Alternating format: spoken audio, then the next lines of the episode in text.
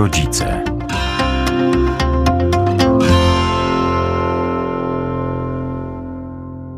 W licznych badaniach Polacy wciąż deklarują, że rodzina stanowi dla nich jedną z największych wartości. Warto więc zastanowić się, jakie wyzwania czekają rodziny w ciągu najbliższych kilku lat, zwłaszcza w kontekście aktualnej sytuacji geopolitycznej, ekonomicznej, demograficznej i społecznej. Dziś w programie zastanowimy się, czy debata o przyszłości polskich rodzin, ale również nakreślenie strategii ich wspierania wobec zbliżających się wyzwań i zagrożeń jest rzeczywiście potrzebna. Dobry wieczór. Sprzed mikrofonu kłania się Magdalena Lipiec-Jaremek. Dziś w programie zaprezentujemy Państwu zapis konferencji dedykowanej rodzinie, a w roli prelegentów wystąpią wychowawcy, pedagodzy i inni specjaliści z dziedzin związanych z tematyką rodzinną, w tym także demografowie.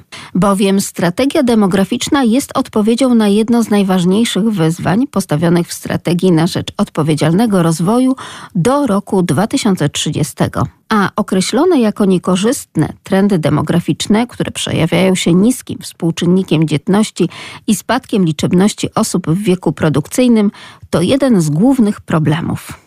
Zapraszam Państwa do wysłuchania fragmentów konferencji prorodzinnej Rodzina 2030 Szanse i zagrożenia czy rodzina będzie jeszcze nam wszystkim potrzebna?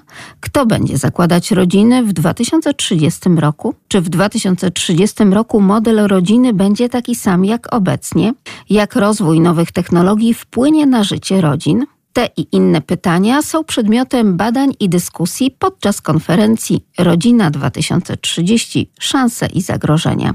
O strategii demograficznej powiedzą Dorota Bojemska z Rady Rodziny, Mateusz Łakomy, ekspert do spraw demografii, a także Justyna Kruk, Związek Dużych Rodzin 3 żeby zmierzyć się z, oczywiście z mm, problemem demografii, z tym wyzwaniem, które nie jest tylko wyzwaniem e, tutaj e, Polski, e, ale całej Europy i nie tylko zresztą przecież, potrzebna jest dobra diagnoza. Potrzebna jest dobra diagnoza i potrzebne są szczegółowe badania i spojrzenie na to, na to bardzo, bardzo takie holistyczne. Dlatego, i ja to chcę podkreślić, dlatego został powołany pierwszy raz pełnomocnik rządu do spraw polityki demograficznej i dlatego przeprowadzona została bardzo szczegółowa analiza, oparta naprawdę na, na wielu badaniach, analizach, raportach. Zostały również przeprowadzone własne badania ministerstwa i powstał dokument. I ja y, chciałam na wstępie, ponieważ tytuł tego panelu jest właśnie strategia demograficzna, zaprezentować Państwu, zachęcić Państwa do przeczytania i zapoznania się z tym dokumentem, dlatego że on w kierunkowy sposób pokazuje, w jaki sposób i pokazuje, że przede wszystkim możemy wyjść z pułapki e, niskiej dzietności. Tylko to wymaga działań bardzo szerokich, wspólnych, ciągłych, nie zmieniających się od kadencji do kadencji. Działań e, również, i taki jest trzeci cel e, szczegółowy zawarty w e, strategii demograficznej, wdrażania tych polityk później i, za, na, i na poziomie centralnym, ale międzyresortowo i na poziomie właśnie samorządowym. Jest to możliwe i strategia o tym mówi. Oczywiście w długim okresie czasu, stąd um, tytuł strategii 2040. W długim okresie czas, czasu, ponieważ wiemy, że dzisiaj pierwszym zasadniczym problemem jest problem e, związany z mniejszą znacznie liczbą kobiet w wieku e, prokreacyjnym, w wieku, w którym mogą mieć dzieci. I to jest zasadniczo pierwsze wyzwanie. Natomiast były e, już prognozy i, i, i, mamy takie dane i takie wręcz fakty, tak, które pokazują nam, że jeżeli zniesiemy pewne bariery, to, to, to, uwalniamy potencjał, który jest. I nie tylko widzimy to w badaniach Polaków, którzy mówią o tym, że chcą mieć dzieci. Społeczeństwo polskie w sensie deklaratywnym bardzo jest prorodzinne i chce mieć dzieci, ale widzieliśmy to również, kiedy po wprowadzeniu programu 500 te bariery z rodzin, które miały w sobie potencjał wielodzietności, zostały zdjęte, bariery finansowe i gdzie urodzenia trzecie i czwarte naprawdę na początku one rzeczywiście skoczyły. Tak? Także tutaj wprowadzanie narzędzi, badanie i e, zagłębianie się w ten temat, e, w pilnowanie trwałości rodzin, rozumianej tak jak, e, jako pewnej zasobności, tak? Znaczy, jako, jako działań, które są prowspólnotowe, a nie ide ideologiczne. Tak? Tłumaczenie, że to nie jest kwestia światopoglądu czy ideologii, natomiast trwałość rodzin jest w, absolutnie w interesie zarówno wspólnot lokalnych, jak i wspólnoty e, naszej e, narodowej, tak z poziomu państwa, że to są, to są kwestie, które chyba dzisiaj trzeba po prostu tłumaczyć od nowa i tworzyć narzędzia, które będą temu odpowiadały, jak podnoszenie różnych kompetencji, jak warsztaty dla rodziców, wzmacnianie, w ogóle pokazywanie, ca, cała kwestia narzędziowości związana, takiej bym powiedziała, narzędziowości skierowanej na rodzinę, żeby, e, żeby pomóc jakby wzmacniać i tę dynamikę historii rodziny, jakby towarzyszyć przy tej dynamice historii rodziny, która mamy młodych rodziców, mamy rodziców nastolatków i tak dalej, i tak dalej. I to jest niezwykle ważne, to wszystko jest opisane i to jest możliwe, bo te ruchy właśnie, jak, tak jak mówię, na przykład mm, narodziny trzecich i czwartych dzieci, które rzeczywiście e, taki boom, powiedzmy, może to za duże słowo, ale, ale to obserwowaliśmy, to się po prostu działo. I to, że każde wspieranie tymczasowości godzi w rodziny i godzi w, e, w, trwałość rodzin, czyli de facto godzi w demografię. I to są kluczowe. Znaczy, musimy się chyba też nauczyć inaczej rozmawiać, inaczej pokazywać e, problemy i zmieniać naszą mentalność. E, nie tylko rozmawiać o tym, co nam przeszkadza kulturowo, bo to jest oczywiste i sama mam dzieci, również nastolatki i, i sobie z tego zdaję sprawę, ale właśnie zorientować się, jak jest z naszymi na przykład klatkami schodowymi, albo czy nasze sąsiadki, młode mamy mają odpowiednie wsparcie. Znaczy, jeżeli my na poziomie naszych wspólnot nie zaczniemy podnosić prestiżu rodzicielstwa to, e, i macierzyństwa, e, to rzeczywiście ten problem będzie się mocno pogłębiał. Ale ja mimo wszystko nie jestem w nastroju dekadenckim. Może dlatego, że jestem mamą ósemki dzieci. Myślę, że w ogóle to na szczęście nie jest naszą rolą tutaj wszystkich nas siedzących diagnozowanie tego, y, jak będzie. Naszą rolą jest to trochę obserwowanie tego, co my możemy zrobić. I tak się bardzo cieszę, że tutaj mogę usiąść, bo nasza organizacja Związek Dużych Rodzin 3 istnieje od lat 15 i y, współpracuje ze wszystkimi rządami i myślę, że adekwatnie odpowiada na te potrzeby, które zgłaszają do nas rodziny. I tak mi się wydaje, że to jest takie kluczowe pytanie, które tutaj pada. Trochę taka mm, wybrzmiewa przez, y, od, od poranku, kiedy słucham, wybrzmiewa ta ogromna sztywność i i taka potrzeba kontroli właśnie w obszarze funkcjonowania młodych ludzi, też te hasła dotyczące barier. Mi się tak wydaje, że w tych miejscach, gdzie pojawiają się bariery, tam jest potrzeba wsparcia. I to, co jest e, dla mnie takim chyba ważnym aspektem, którym my w Związku Dużych Rodzin 3 Plus też widzimy, to jest to, że rodziny w normie dzisiaj potrzebują po prostu wsparcia, a także osoby, które deklarując tą potrzebę, właśnie chęć, otwartość na to, żeby budować rodzinę, w której będą pojawiały się dzieci, jak tutaj wynika z badań, że to w zasadzie są wszyscy, no to znaczy, że rolą administracji rządowej, rolą administracji publicznej, rolą administracji samorządowej jest tworzenie takich ram i struktur, w których ta wolność może się realizować. No i teraz pytanie jest, jak wspierać te, tych młodych ludzi, którzy, no nie wiem, tak mi przychodzi do głowy taki tekst y, raperskiej grupy Katperczyki, którzy śpiewają pokolenie końca świata. Wydaje mi się, że to jest y, no, dużo mówiące o tym, w jakim przeżyciu znajdują się ci młodzi ludzie, jak oni wiele rzeczywiście mają trudności wokół siebie, jak duże napięcie i duże natężenie im towarzyszy w tej intensywności życia, która jest. E, I, i, I tak mi się wydaje, że to nie do końca tak jest, że to jest takie pesymistyczne. Ja myślę, że to są młodzi ludzie bardzo świadomi, bardzo, e, bardzo dotkliwie dotknięci no, taką właśnie zdolnością do, do wglądu w siebie, w tego, jak wiele wpływu nie mają na rzeczywistość. A jak nie mają wpływu, no to oczywiście, że ten wpływ, na który na pewno mamy, no to jest taki nasz osobisty wpływ na samych siebie. E, stąd tym większa wydaje się rola administracji publicznej, aby tworzyć taką ramę i strukturę, w której my możemy się czuć bezpiecznie. No nie jest naszą rolą, oczywiście wydaje mi się, że dużo twórczym, dużo bardziej twórczym zadaniem będzie, jeżeli będziemy stawiać sobie takie wyzwania, w którym rzeczywiście a będziemy tworzyć taką stra tworzyć strategię, która jakieś kierunki nam wyznacza, ale z drugiej strony pozostawia właśnie tą przestrzeń wolności. No i jak, jak ją tworzyć właśnie w poszanowaniu tych aspektów, które młodzi ludzie wnoszą w nasze środowisko. No bo tak jak już powiedzieliśmy, my sobie tak możemy troszeczkę opowiadać o naszych przeżyciach. My już nasze decyzje mamy za sobą. Tutaj chyba w znaczącej mierze już jakieś doświadczenia, przekonania mamy. No ale idzie pokolenie, które te decyzje dopiero będzie podejmować. No i teraz ja słuchając nas samych często, tak środowiskowo, wewnętrznie, tak mi się wydaje, że no my sami mówimy o tym, w bardzo pesymistyczny sposób. Mi brakuje takiej racjonalności w, w rozmowie, no bo potrzeba bycia w relacji jest absolutnie apolityczna. Potrzeba rozwoju również, no to się realizuje w tym aspekcie indywidualnym, jak i w tym aspekcie relacyjnym. My pewnych barier nie zniesiemy poprzez administrację publiczną. To jest myślę ten aspekt, którym zajmuje się Związek Dużych Rodzin 3+. Też budujemy taką przestrzeń, w której możemy wspierać, uczyć młodych ludzi, rodziny, jak pomieszczać pewien rodzaj dyskomfortu, który jest związany z życiem, z codziennością. W naszym życiu tego dyskomfortu jest dużo, bo też odpowiedzialność jest duża. Jak w tym dbać o siebie, jak, jak się regulować.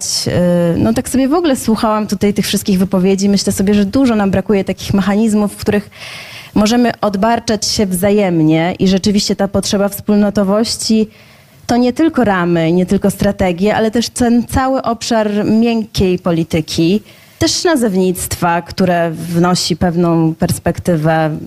Budowanie relacji dzisiaj jest po prostu ogromnym wyzwaniem, więc tak sobie myślę, może ministerstwo, które będzie wspierało relacje jest czymś wartościowym. Szkoda by było budować ministerstwa samotności, bo tego nie chcemy. Chcemy być e, w relacjach, tego potrzebujemy.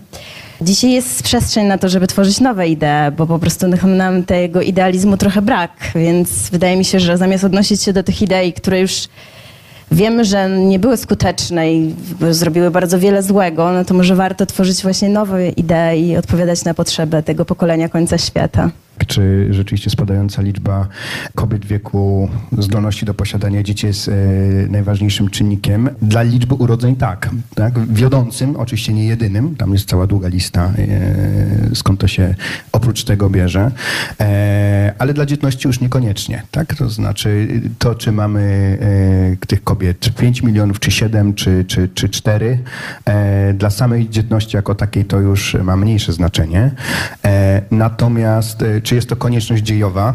E, ja bym na to spojrzał troszeczkę inaczej, tak z perspektywy demograficznej. To znaczy rzeczywiście e, Marx, e, piszący w XIX wieku swoje pisma i wyrażający swoje myśli, on doświadczał ciekawego doświadczenia z perspektywy demograficznej na własnych oczach. To znaczy czegoś, co demografowie nazywają przejściem demograficznym. Tak? Ten pierwsze przejście demograficzne, później jeszcze było drugie. To znaczy rzeczywiście przez większość historii ludzkości e, ludzie mieli generalnie dużo dzieci. Tak e, średnio się szacuje, że około szóstki dzieci się rodziło e, w Europie, tak w Ameryce, na wszystkich kontynentach. Do dzisiaj w niektórych krajach afrykańskich tak mamy.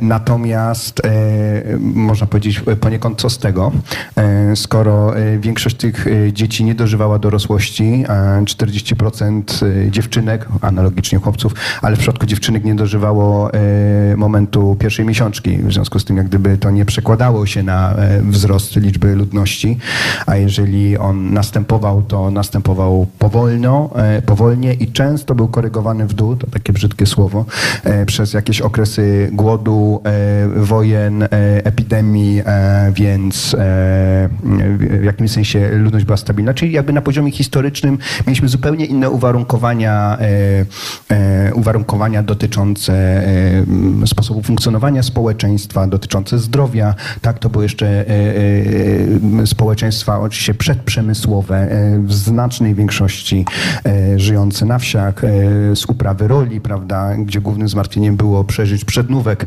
a nie tego, czy pojadę sobie na wakacje, prawda, na Mauritius i wrzucę fotkę na Instagrama.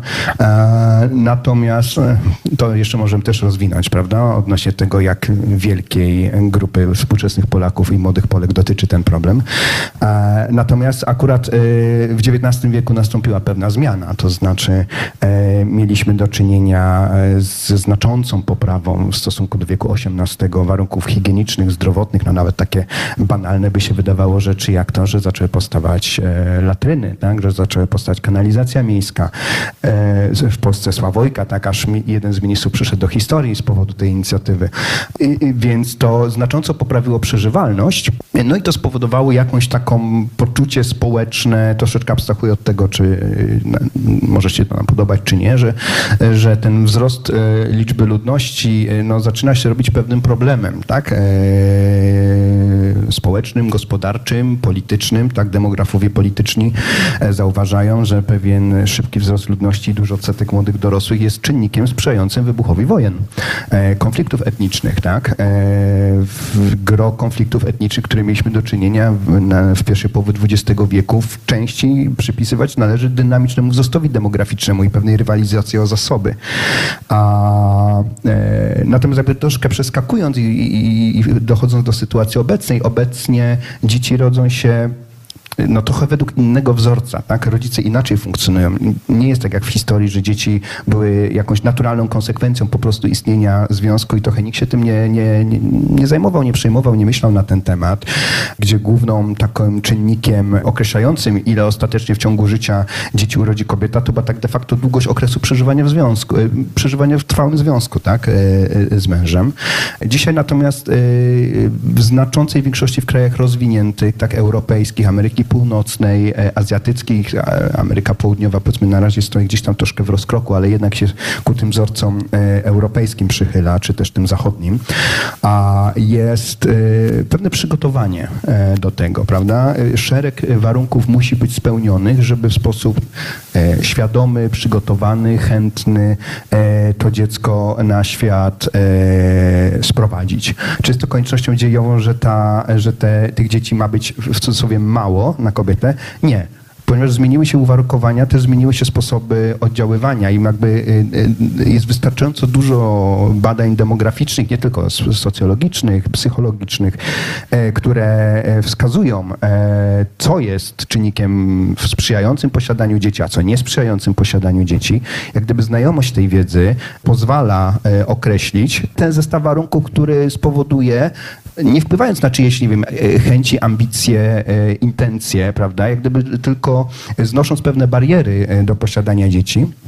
I, i, i, e, i pozwalając ludziom zareagować pozytywnie z perspektywy posiadania dzieci, czyli to, że tych dzieci rzeczywiście będzie więcej. No ja liczę na to, że my jesteśmy teraz w jakimś takim okresie przejściowym, tak? No, znaczy przejściowym w, w długim horyzoncie czasowym, tak? No to już wiemy, że to już trzy dekady nam trwa stosunkowo niska dzietność, no ale z perspektywy historii świata i historii Polski e, 30 lat no, to nie jest jakiś strasznie długi okres. Myślę sobie, że e, jakimś warunkiem w ogóle statusu quo, żeby te dzieci e, w, e, kra- w, kra- w krajach europejskich się pojawiały, jest e, utrzymanie statusu dużych rodzin na wysokim poziomie, dlatego że po prostu duże rodziny e, wnoszą ogromny kapitał społeczny i myślą w sposób e, taki racjonalny, jak pan to przed chwilą przedstawił. Inne czynniki mają wpływ na decyzję o dzietności w dużych rodzinach, inne w rodzinach, nie wiem, małych. To jest wszystko takie dziwne, te podziały. Generalnie to są rodziny, to są rodziny. Każda z naszych rodzin kiedyś miała jedno dziecko, dwoje, potem troje.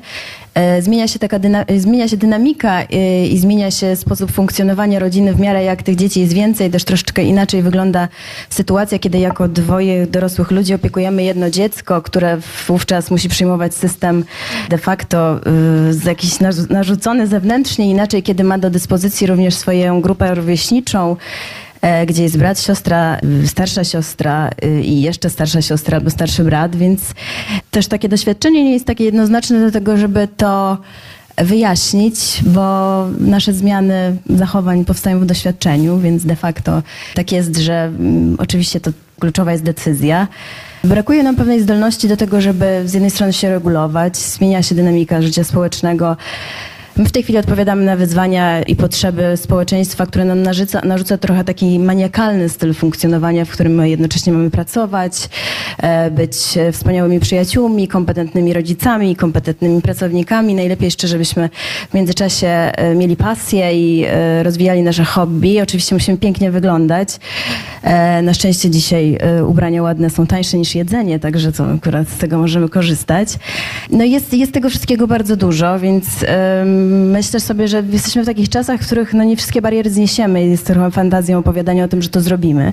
Rzeczywiście jest inna rola e, rodzica, inna rola pracodawcy, inna rola e, administracji publicznej. Chciałabym tutaj zaznaczyć, że to są po prostu znacząco różniące się w tej chwili aspekty funkcjonowania życia społecznego i fajnie to zauważać.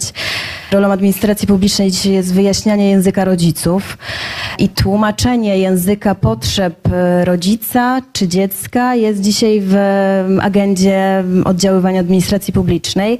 Kiedyś tak nie było. Kiedyś e, babcia rozumiała, dlaczego wnuczka mówi do niej, że nie będzie jadła.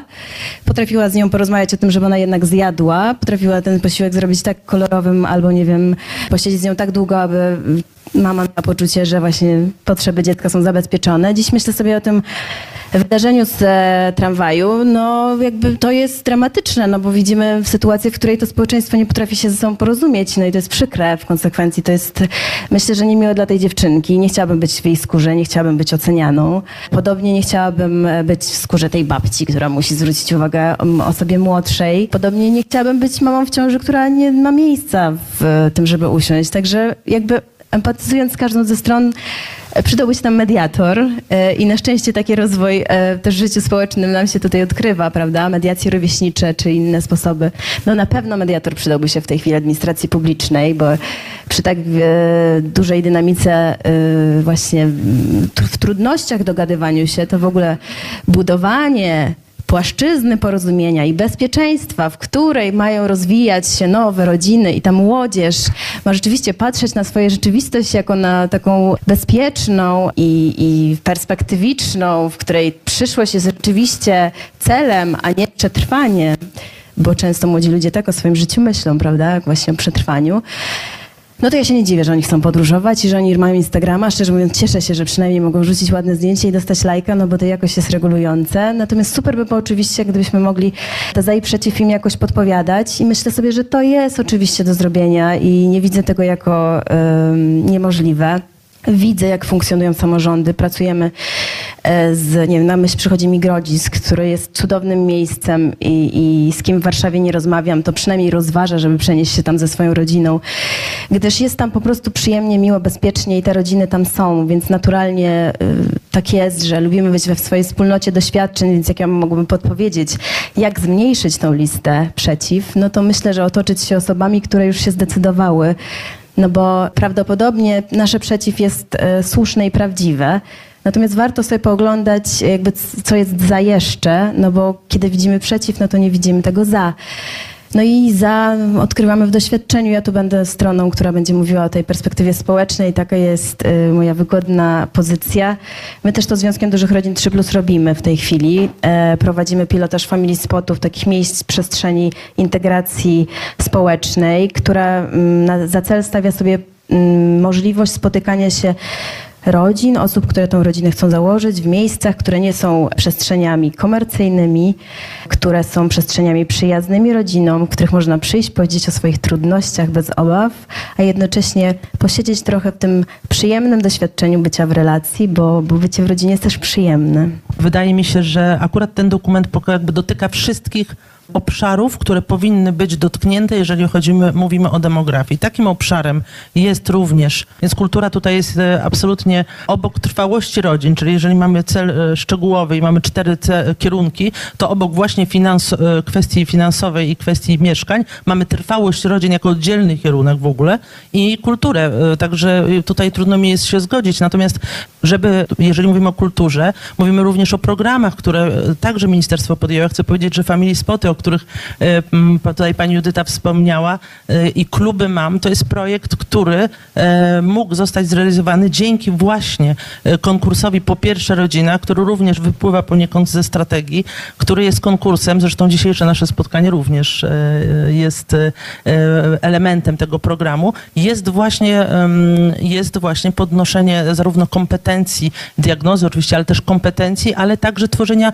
pewnych środowisk sprzyjających rodzinie, bo to, o czym chcę powiedzieć, e, pani Judyta słusznie tutaj powiedziała o tym, że to kwestie doświadczenia są niezwykle ważne. Myśmy to widzieli zarówno w badaniach, które mówią o dziedziczeniu norm, czyli o tym, że e, skłonni do założenia rodziny bardziej są rodzice, którzy mieli po prostu pełną rodzinę.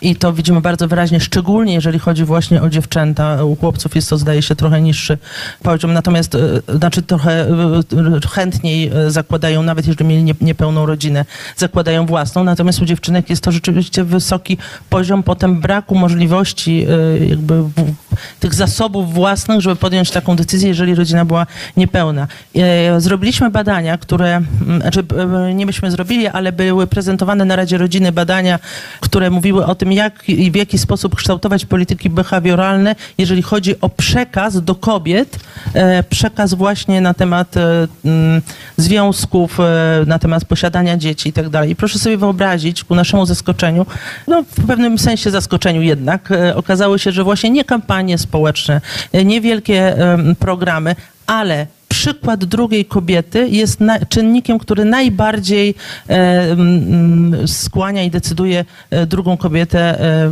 czy jest po prostu najbardziej autentyczny, tak? A kobiety chcą tego autentycznego przekazu. Stąd pomysł właśnie em, tworzenia klubów mam, wsparcia klubów mam już ist, istniejących, tworzenia takich przestrzeni, o których e, mówiła e, pani Judyta, dlatego że wiemy, że właśnie doświadczenie i środowiskowość mają kolosalne znaczenie, jeżeli chodzi o kwestie decyzji, szczególnie decyzji, które podejmują e, młode kobiety. A my miałyśmy okazję, zresztą razem z panią minister, jeździć po klubach już istniejących, przygotowując ten program. I muszę państwu powiedzieć, że to, z czym się zderzamy, jeżeli chodzi o rozmowy z młodymi mamami, to jest, e, to jest przerażające. Od tego przykładu traktowania rzeczywiście kobiet, które chcą być w domu, przynajmniej na jakimś etapie, tak? W momencie, kiedy rodzi się pierwsze dziecko, rodzi się drugie i one mają potrzebę tworzenia domu, tworzenia gniazda, pogłębiania e, relacji, bycia ze swoim dzieckiem. I to jest bardzo duży, e, jedna trzecia kobiet o tym mówi wyraźnie, że gdyby mogła, zostałaby w domu z, dziećmi, tak? Ja mówię do trzeciego roku życia, czasami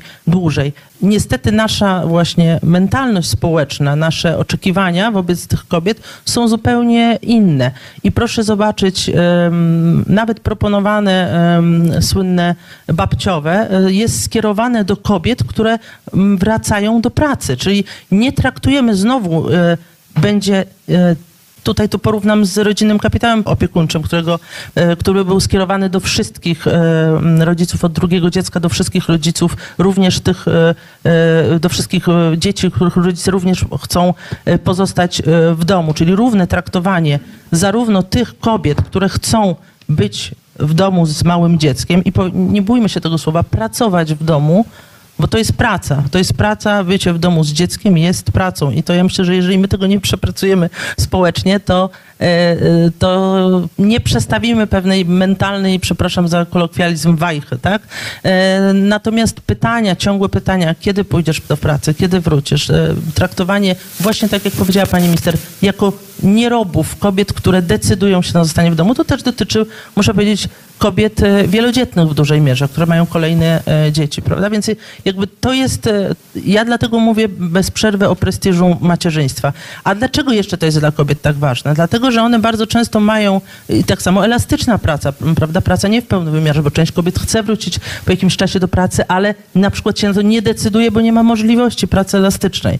Takie sytuacje też są bardzo częste. Ale dlaczego jest, e, gdzie jest ten głód? E, Moim zdaniem i tak z tych rozmów, ale również z badań to wychodzi. Potrzeba nam tworzenia kultury domu. My bardzo dużo mówimy o kulturze organizacji, kulturze firmy, prawda, i tak dalej. Na kulturę domu, żeby tworzyć kulturę domu, też potrzebny jest czas, potrzebne są kompetencje, potrzebna jest pewna wizja i tak dalej, i tak dalej. Jeżeli nie tego obszaru jakby nie zagospodarujemy treściami, ale tego jest coraz więcej oczywiście. Tutaj właśnie organizacje pozarządowe bardzo dużo e, w tej mierze robią, ale je- jest wiele programów, programów poradniczych. Przecież powstał olbrzymi program poradniczy również w e, Niwie, e, właśnie skierowany do organizacji, które mają pomagać rodzinom w tworzeniu, czy w nauce, w narzędziach do tworzenia właśnie kultury domu. I myślę, że ten pracoholizm, ten brak jakby skupienia się na tym, czym jest, e, czym jest dom, jak on jest wielowymiarowy. Przypomnę, że mieliśmy em, kryzys to mniej więcej chyba tam pół roku temu, czy e, mieliśmy duży, bardzo dużą debatę taką społeczną na temat, na temat zdrowia psychicznego e, młodzieży. Słuchałam kilku wypowiedzi profesorów, e, specjalistów, którzy bardzo wyraźnie, aż byłam zaskoczona, że dosłownie w przeciągu kilku tygodni to się pojawiło w wielu wypowiedziach, mówili bardzo wyraźnie. nie mówmy o zatkanym systemie, nie mówmy o tym, że nie ma miejsc w, na oddziałach psychiatrycznych, bo naszym problemem jest to, że my za późno reagujemy, bo zerowym poziomem zdrowia psychicznego młodzieży jest dom. Jeżeli tam nie przyjdzie pierwsza pomoc, to y, nasze przekonanie, że tylko eksperci nam mogą e, pomóc, z całym wielkim szacunkiem dla ekspertów, jest niestety e, jakby zwodnicze. To znaczy tworzenie kultury domu, skupienie się na tym, jak te relacje powinny wyglądać, na kompetencjach rodzicielskich, na wsparciu rodziców, kiedy pojawia się pierwsze dziecko, gdzie wiemy, że to jest moment naprawdę kryzysowy dla rodziny i to jakby nie jest nic z tym złego, to jest normalne też, że to jest moment kryzysowy.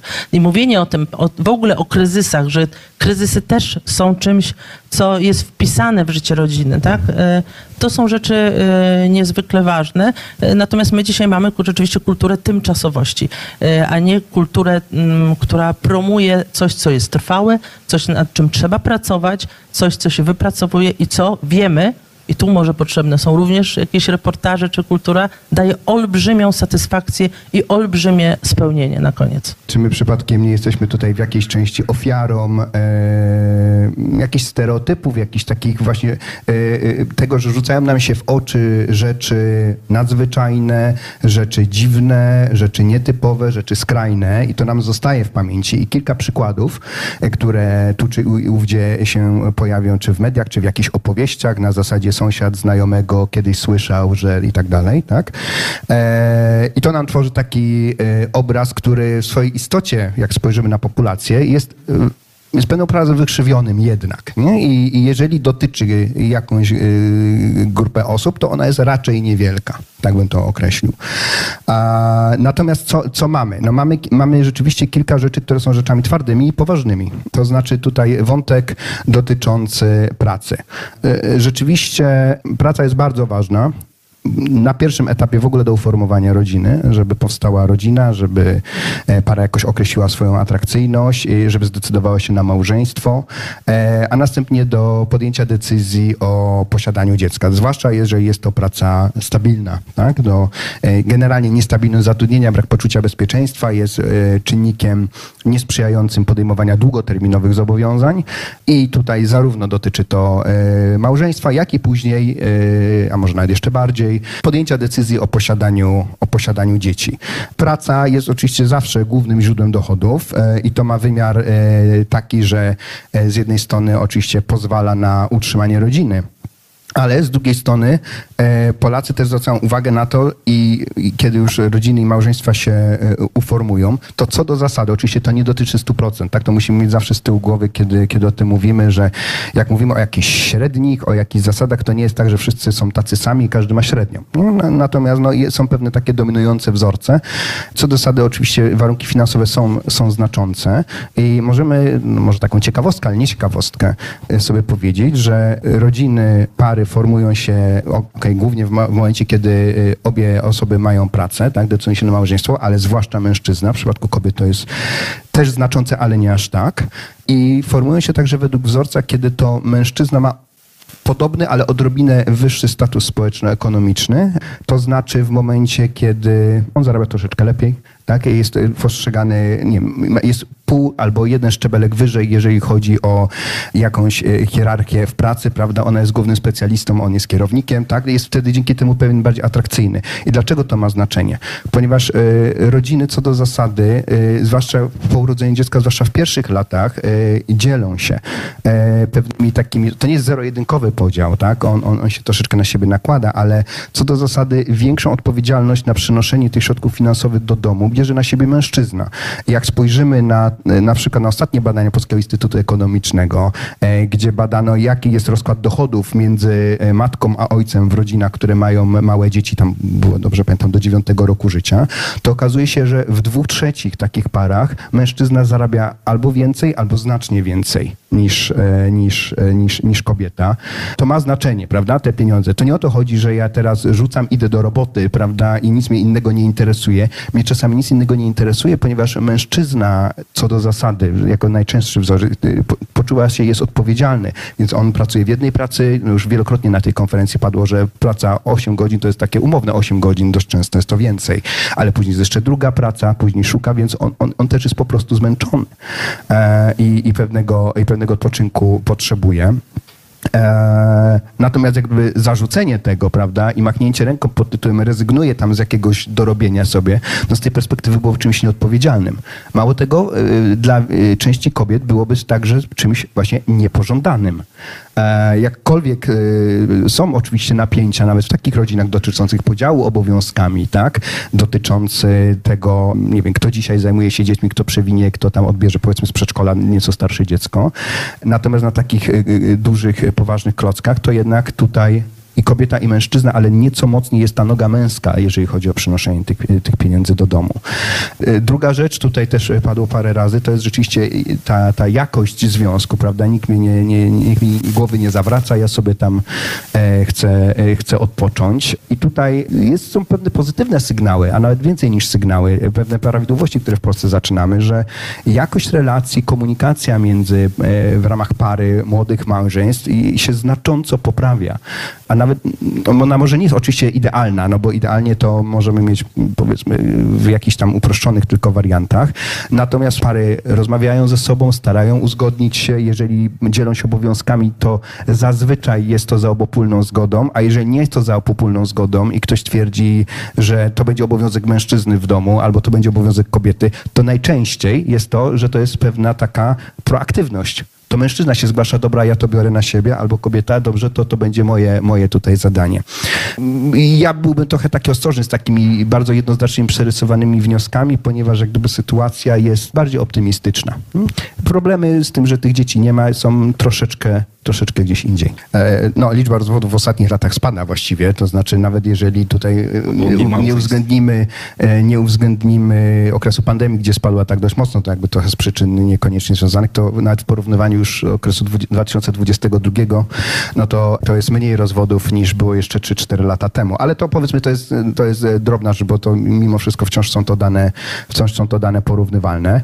Tak, e, jest też, jest też mniej małżeństw, natomiast no, to jest też jakby pytanie, czego my oczekujemy, prawda? To nie jest tak, że w Polsce rozpada się połowa małżeństw. Nie rozpada się nawet jedna trzecia małżeństw, jak się tak e, troszeczkę e, przyjęło e, w naszej kulturze, troszeczkę błędnie zestawiając dwie dane. Rozpada się około 10%. No, to się zdarza, ale wciąż pamiętajmy, że rozpadające się małżeństwa to są kwestie A. pewnej mniejszości, B. one częściej się rozpadają w pewnych specyficznych grupach e, społecznych, mające troszeczkę większe trudności, e, jakieś tam społeczne, ekonomiczne i tak dalej. Natomiast no, z jednej strony kwestia jest pomagania, e, rozwiązywania problemów, czy nawet tutaj, jak już padło, pewnej profilaktyki, żeby do tych problemów nie doszło, tak? E, a z drugiej strony, żeby te właśnie rzeczy skrajne no, nie, nie, nie, nie przyćmiły nam te pewnych prawidłowości, które e, i tych najczęstszych wzorców spotykanych, które rzadko są poruszane poruszane w przestrzeni publicznej, w związku z tym są dość paradoksalnie najsłabiej widoczne. Demografia to jest dziedzina, której się nie e, bada w przeciągu roku, dwóch lat, trzech lat, czterech lat, czy znaczy bada się, ale jakby nie oczekuje się rezultatów. To my mówimy tutaj o kohortach, mówimy o pokoleniach e, nie, e, nie jesteśmy w stanie, no tak, tak tutaj, tutaj już była mowa o tym, proszę zauważyć, 2000 drugim roku mieliśmy najniższy współczynnik e, dzietności. Od początku, kiedy tak naprawdę badania de demografią e, w Polsce były prowadzone. To było około 1,2 e, zdaje się, tak?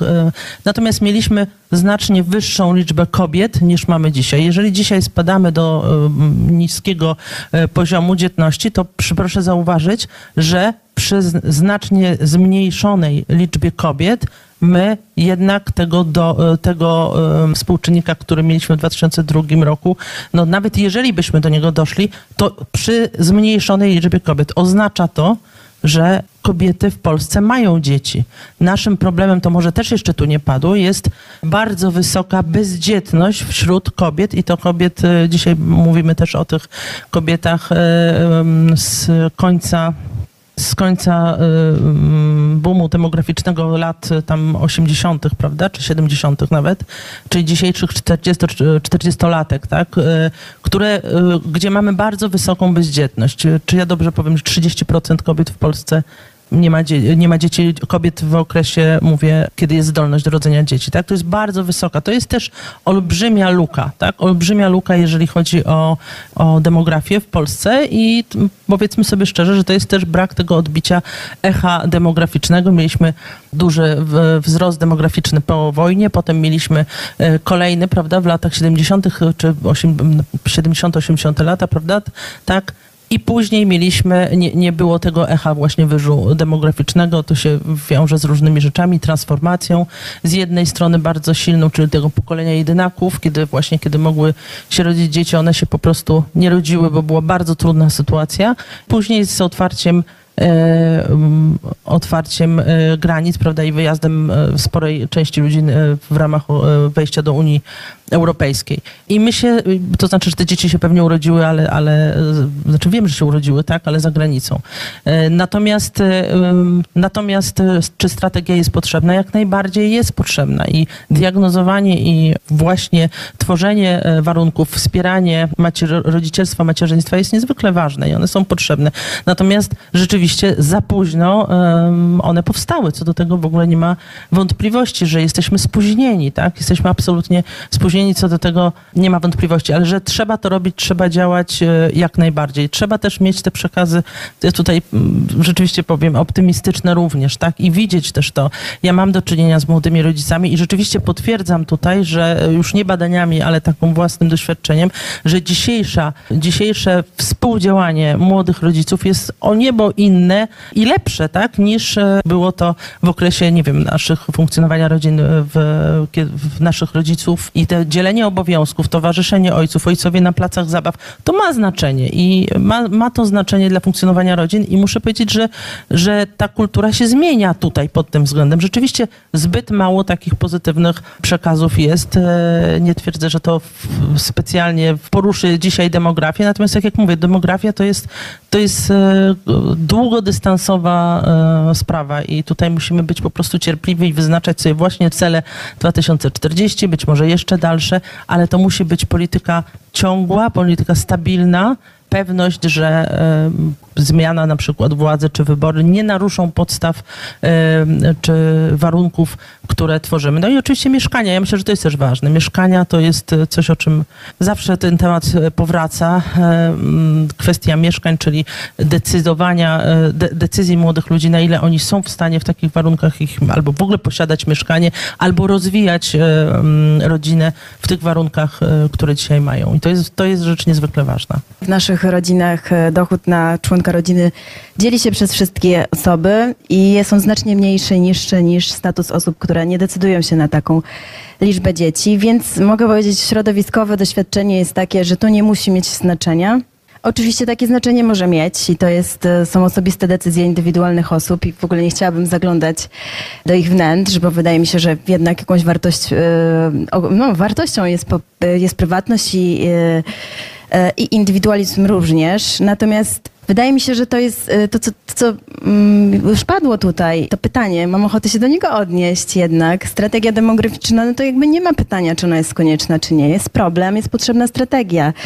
Biznes nie zadaje sobie takich pytań. E, Dla mnie my funkcjonujemy w jakimś mm, oparach absurdu, ciągle zadając sobie pytania na to, czy na rozwiązanie problemów my potrzebujemy odpowiadać. No potrzebujemy odpowiedzi, jaka to będzie, jaki to będzie dokument. Ym, Myślę, że rodziny mają do tego ambiwalencję, natomiast potrzebują odzwierciedlenia.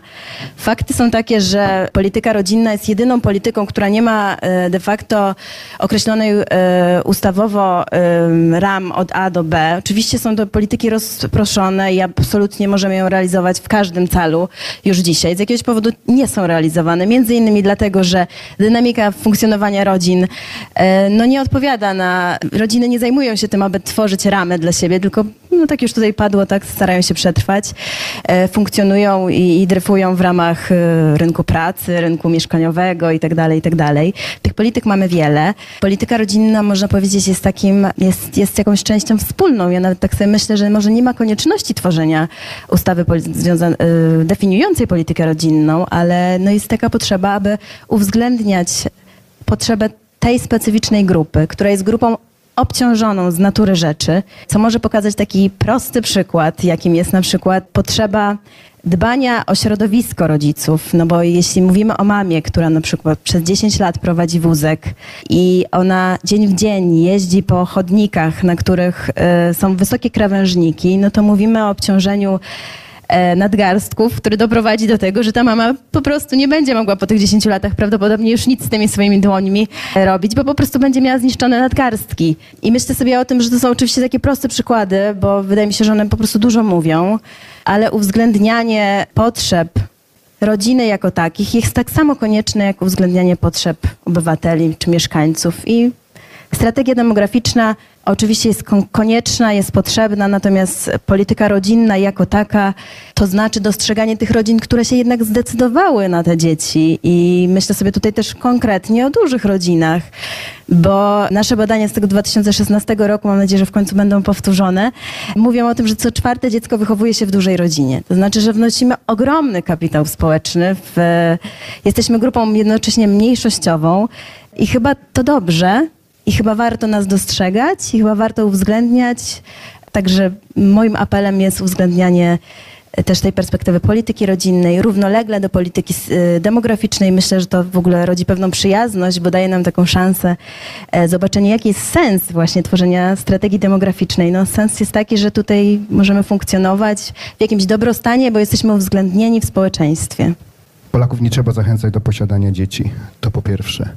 To znaczy tutaj Posiadania większej liczby dzieci. ani do większej liczby dzieci, bo ja bym powiedział, bo mylimy troszeczkę pojęcia. To znaczy nawet tutaj z tych wcześniejszych paneli, gdzie było o tych intencjach posiadania dzieci, jeszcze z tym zastrzeżeniem, że jak jestem osiemnastolatką, prawda, i właśnie wyszłam z pandemii y, ogłuszona, bo nie byłam w szkole i koleżanek nie widziałam od roku na żywo. Jest abstrakcją pytanie, ile chcesz mieć dzieci dla niej na danym etapie, więc to się jeszcze może zmienić. Więc my nie mamy problemu z chęcią do posiadania dzieci. My mamy ba- e, problemy z barierami do posiadania dzieci. Tak troszeczkę upraszczając, silnik e, w młodych Polkach, młodych Polakach pod maską jest całkiem dobry, natomiast droga, którą ja- jadą, czy mogliby jechać, czy powinniby jechać, jest pod górkę, oblodzona, ma dziury i leżą na nie gałęzie. I co jest? E, Żeby e, odpowiedzieć, co państwo może zrobić, państwo może zrobić bardzo dużo. To akurat w dokumencie strategii demograficznej jest dość wyczerpująco e, opisane rzeczywiście.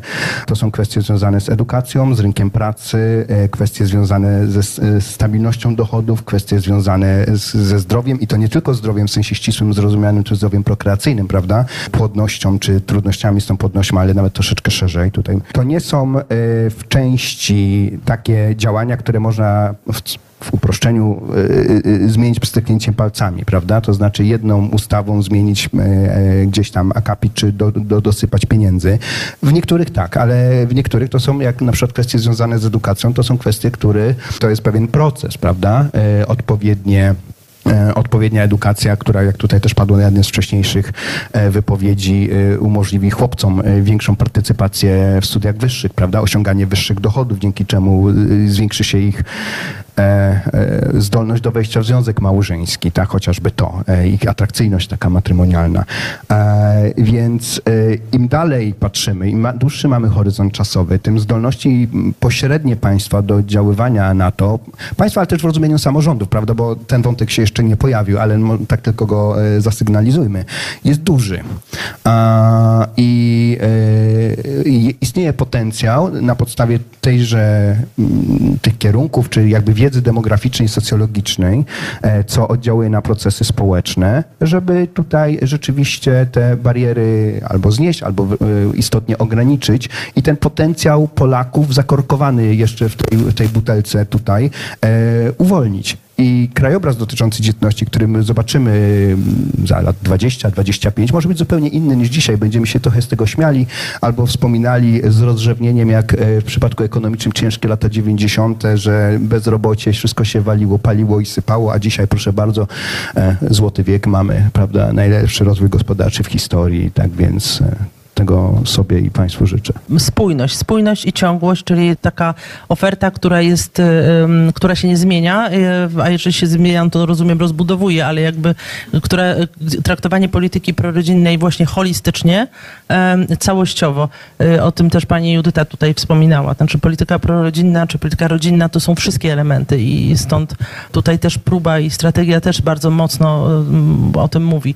To znaczy włączenia wszystkich obszarów. Tak naprawdę każdy z nas, jak jest rodzicem, to doskonale wie, że e, to jest i kwestia przychodni, i kwestia szkoły, i kwestia właśnie finansowa, i kwestia infrastruktury i tak dalej. I te- wszystkie obszary związane z życiem tak naprawdę są obszarami związanymi e, z rodziną. I to jest bardzo ważne, żeby tak to tra- traktować. I wydaje mi się, że dzisiaj ta świadomość naprawdę już jest. Kiedyś politykę ro- rodzinną rozumiano w dużej mierze jako politykę związaną z dysfunkcjami i z patologią. E, Natomiast dzisiaj możemy powiedzieć, że taka świadomość i takie traktowanie spraw rzeczywiście e, zaczyna być obowiązujące i to jest bardzo ważne. Ja powiem e, z mojego punktu widzenia, ja uważam, że podnoszenie prestiżu macierzyństwa i wsparcie matek, szczególnie matek, ale rodzin oczywiście całych, właśnie w okresie, kiedy dziecko jest małe, czyli w okresie 0-3, uważam, że jest dzisiaj kluczowe. Dzisiaj to jest grupa, szczególnie w dużych miastach i w dużych aglomeracjach, grupa osób, grupa kobiet, która ma poczucie osamotnienia w pewien sposób, jakiegoś wykluczenia społecznego, niedocenienia.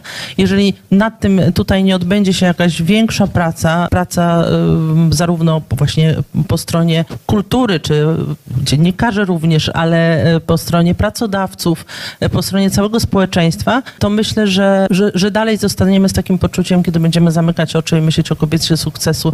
No nie chcę powiedzieć o szpilkach, gdzie jestem też w szpilkach, ale, ale e, e, jako bizneswoman natomiast nie będziemy mieli tego obrazu kobiety, która również jest matką. I, i, i wydaje mi się, że tutaj właśnie w, m, ten obszar jest dla mnie kluczowy. Także rozwiązania wspierające, e, m, ja uważam akurat, że kwestie czy przedłużenia urlopów, czy jakiegoś wsparcia finansowego matek w tym okresie, kiedy jest luka finansowa w drugim, trzecim roku życia dziecka w systemie rodzinnym, taka luka jest i mamy to też zdefiniowane, czyli ten okres 0,3 dla rodziny e, jest niezwykle ważny i wydaje mi się, że te programy muszą być precyzyjne i to jest tak precyzyjny właśnie obszar. Myślę, że mamy do czynienia z e, taką sytuacją, w której e, dzietność to jest taki startup, ponieważ no, nie ma jej na rynku, jest pewną niszą, jest to do zagospodarowania.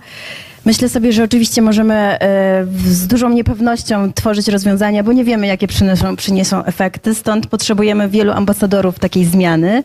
I myślę sobie, że to jest przestrzeń, w której ogromnym znaczeniem będzie to, czy będziemy trafiali i będziemy w stanie być w dialogu e, z młodymi ludźmi, którzy mają swoją specyfikę i warto ją uznawać. Myślę, że nauczenie e, babci w autobusie, jak rozmawiać e, z mm, dziewczyną, która nie ustępuje mamie w ciąży, jest adekwatnym zadaniem w ramach tego startupu. A myślę, że wszystkie inne zadania już takiego makrokosmosu będziemy sobie potrafili potem krok po kroku realizować, bo tych pomysłów jest bardzo dużo. I mam nadzieję, że będziemy o tym potrafili tak mówić, żeby to było rzeczywiście zachęcające do tego, żeby no, młodzi ludzie mieli rzeczywiście taką po, takie poczucie, że oni mogą realizować się w rodzinie i że w rodzinie również znajdzie się praca, skoro jesteśmy pracocholikami ale również znajdzie się przestrzeń takiej przyjemności, bo jak sobie myślę o tym, co jest satysfakcjonujące w życiu e, rodzica, no to na pewno nie ilość e, godzin, które przeznacza się na wstawanie w nocy. Poza tym dzieci tego absolutnie nie pamiętają, ile z czasu z nimi spędzamy. Natomiast e, doświadczenie takiej bliskości w codzienności, w kontakcie, no to po prostu daje radość. O strategii demograficznej mówili Dorota Bojemska, Rada Rodziny, Mateusz Łakomy, ekspert do spraw demografii i Judyta Kruk, Związek Dużych Rodzin 3+. Zapraszam Państwa na drugą część naszej audycji w cyklu My Rodzice tuż po 23.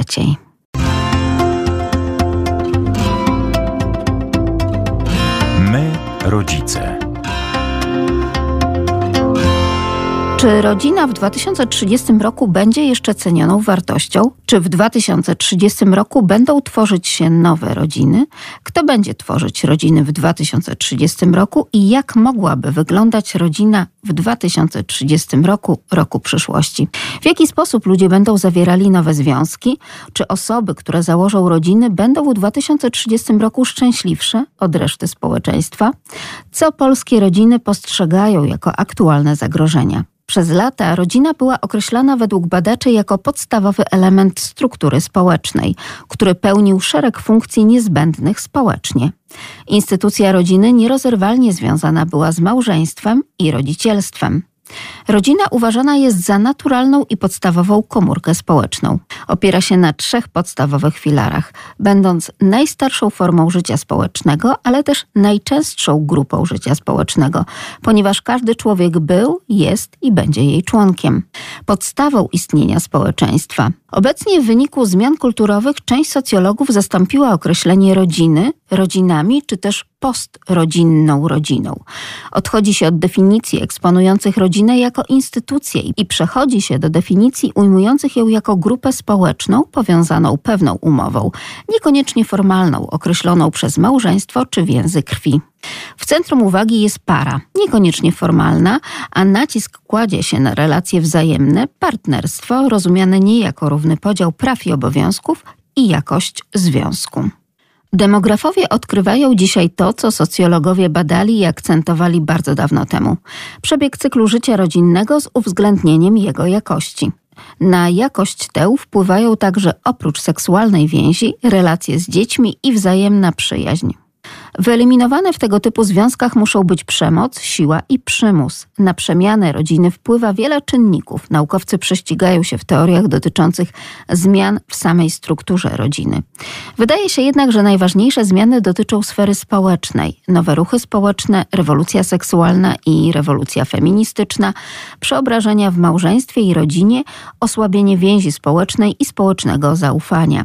Przejście od kolektywizmu, czyli wspólnotowości, do indywidualizmu bez względu na przemiany kulturowe czy polityczno-społeczne, w Polsce rodzinę uznaje się za podstawową wartość dla Polaków, źródło samorealizacji, ale także ostoje wszystkich wartości.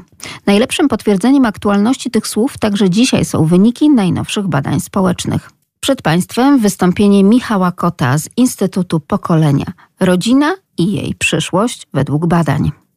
Co młodzi dzisiaj myślą o rodzinie, jak wyglądają ich aspiracje w tym obszarze, czy je pragną, czy może już rodzina jest dla nich passe i nie ma przed nami przyszłości, a może jest inaczej. Natomiast zacznę od y, opowiedzenia takiej historii jak, o tym, jak działają media. Ja nie jestem człowiekiem mediów, nie jestem medioznawcą, ale jest to historia, która mnie niezmiernie fascynuje. Niestety jest to historia negatywna, ale pokazująca, jak y, jak działa dzisiejsza, dzisiejszy system informacji. Na początku tego roku pewnie wszyscy z Państwa spotkaliście się z takim badaniem, które mówiło o tym, że Polki nie chcą mieć dzieci.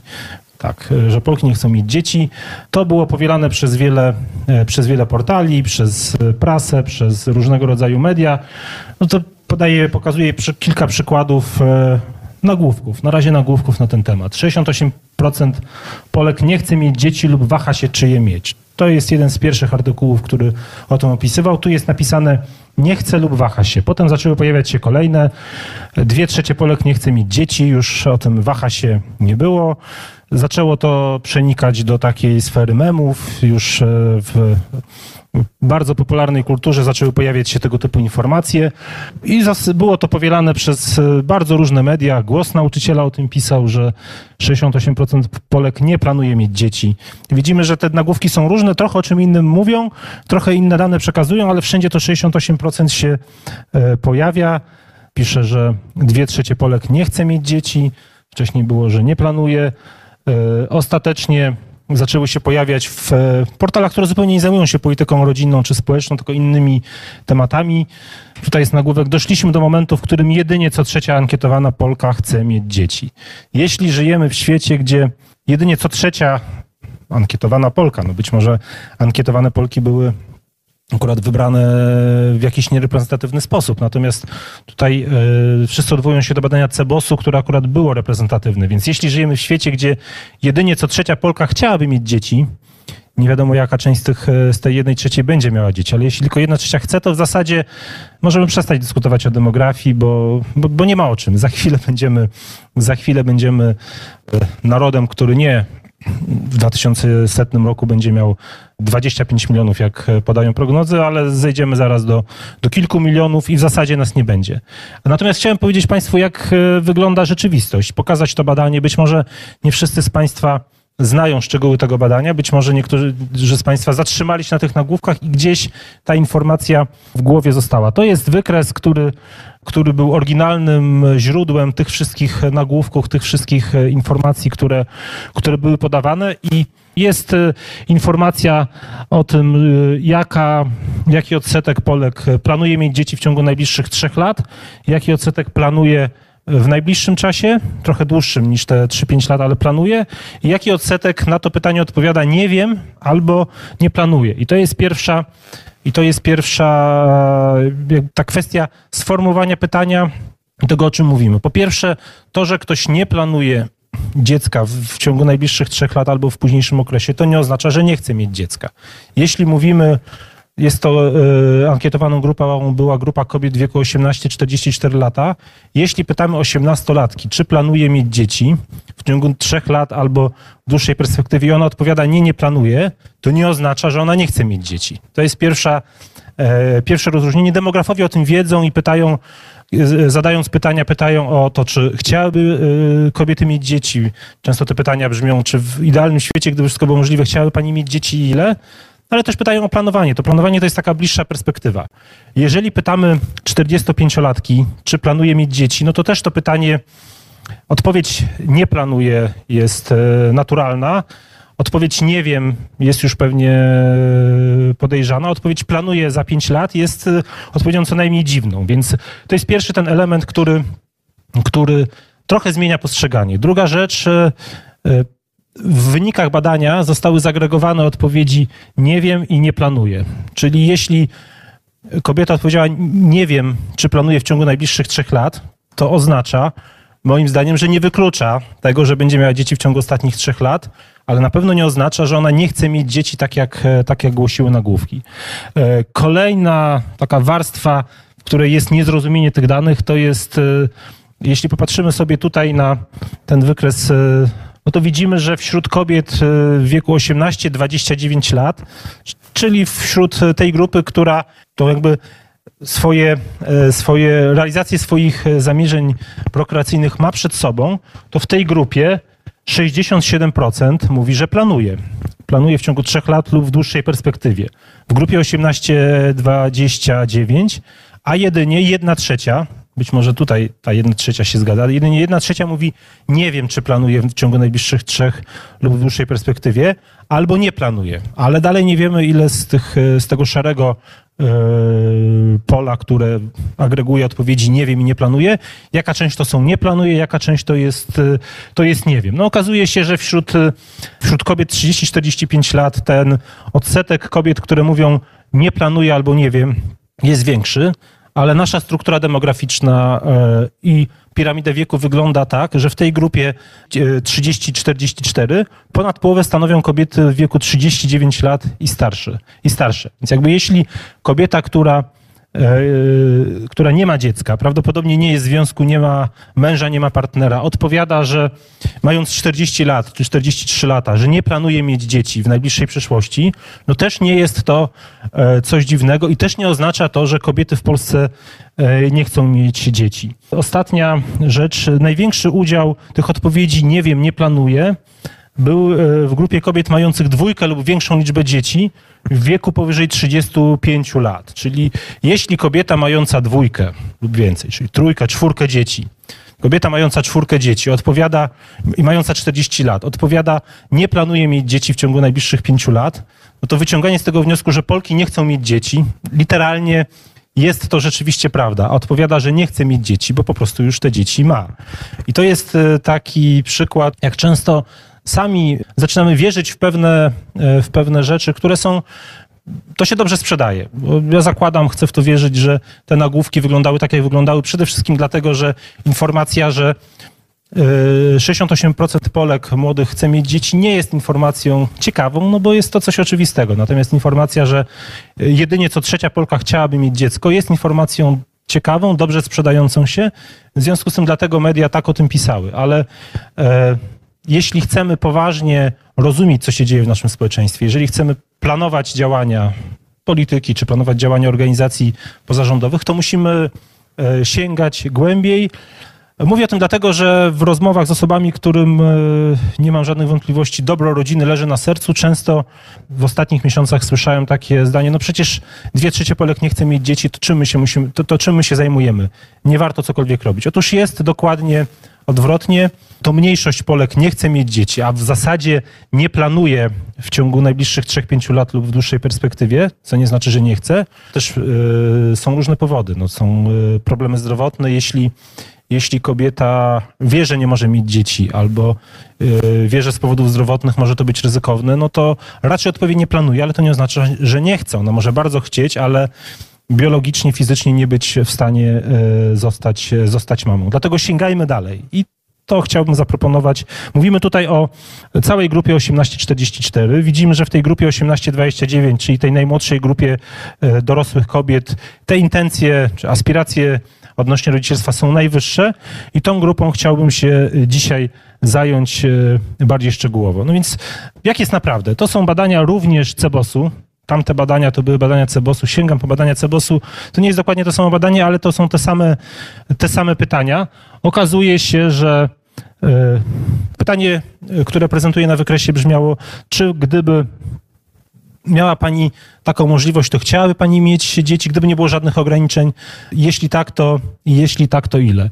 I okazuje się, że jedynie 7% Polek odpowiada, że nie chciałoby mieć dzieci. I to jest nie tylko grupa młodych, ale to jest grupa też e, już starszych dorosłych do 45 roku życia, natomiast w grupie 18-24, czyli w tej grupie najmłodszej, 20% kobiet odpowiada, że nie chciałoby mieć e, dziecka i to jest rzeczywiście więcej niż w tych e, starszych rocznikach.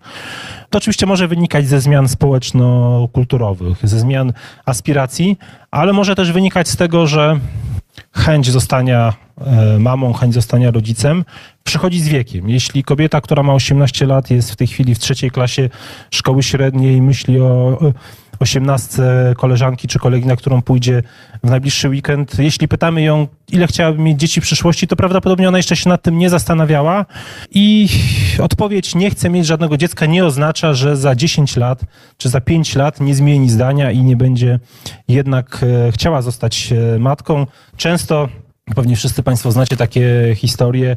Kobiety i mężczyźni, nawet powiedziałbym, że bardziej mężczyźni, dojrzewają do tego, żeby zostać rodzicem, żeby zostać ojcem czy matką, wtedy, kiedy poznają osobę, z którą czują się bezpiecznie, z którą budują silną relację, silną więź, tworzą rodzinę i wtedy ta e, chęć zostania rodzicem przychodzi w sposób e, naturalny. Dlatego 21% e, młodych ludzi deklaruje, że nie chciałoby mieć dziecka, natomiast to jeszcze nie oznacza, że te 20% y, rzeczywiście nie będzie chciało i nie zostanie rodzicami.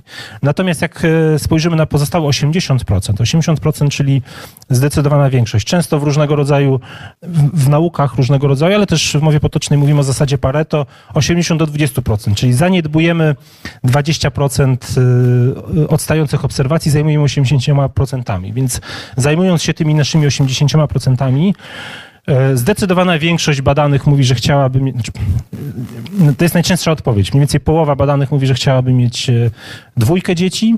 I to zarówno tych osób młodych, jak i osób starszych.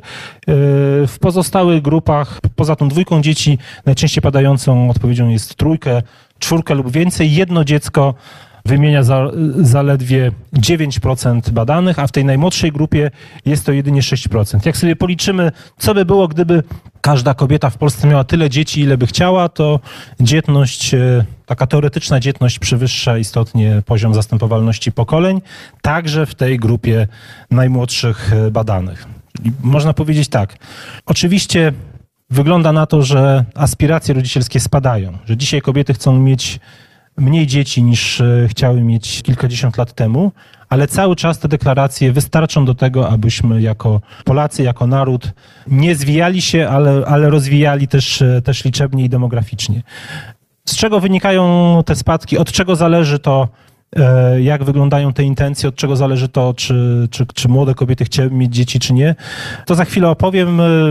Tutaj sięgnąłem do różnego rodzaju badań e, wykonywanych w Polsce wśród młodych ludzi w ostatnim czasie i chciałbym o tym poopowiadać, co powoduje, że jedne osoby chcą mieć czwórkę dzieci, a inne nie chcą mieć e, żadnego. Pierwszym badaniem, do którego, które chciałbym Państwu opowiedzieć, jest niedawno wydany raport e, Młode Polki, młodzi Polacy i ich plany rodzinne. Co młode pokolenie myśli o małżeństwie, rodzinie i rodzicielstwie, wydany przez Instytut Wiedzy o Rodzinie i Społeczeństwie. Tutaj bardzo ciekawe badanie.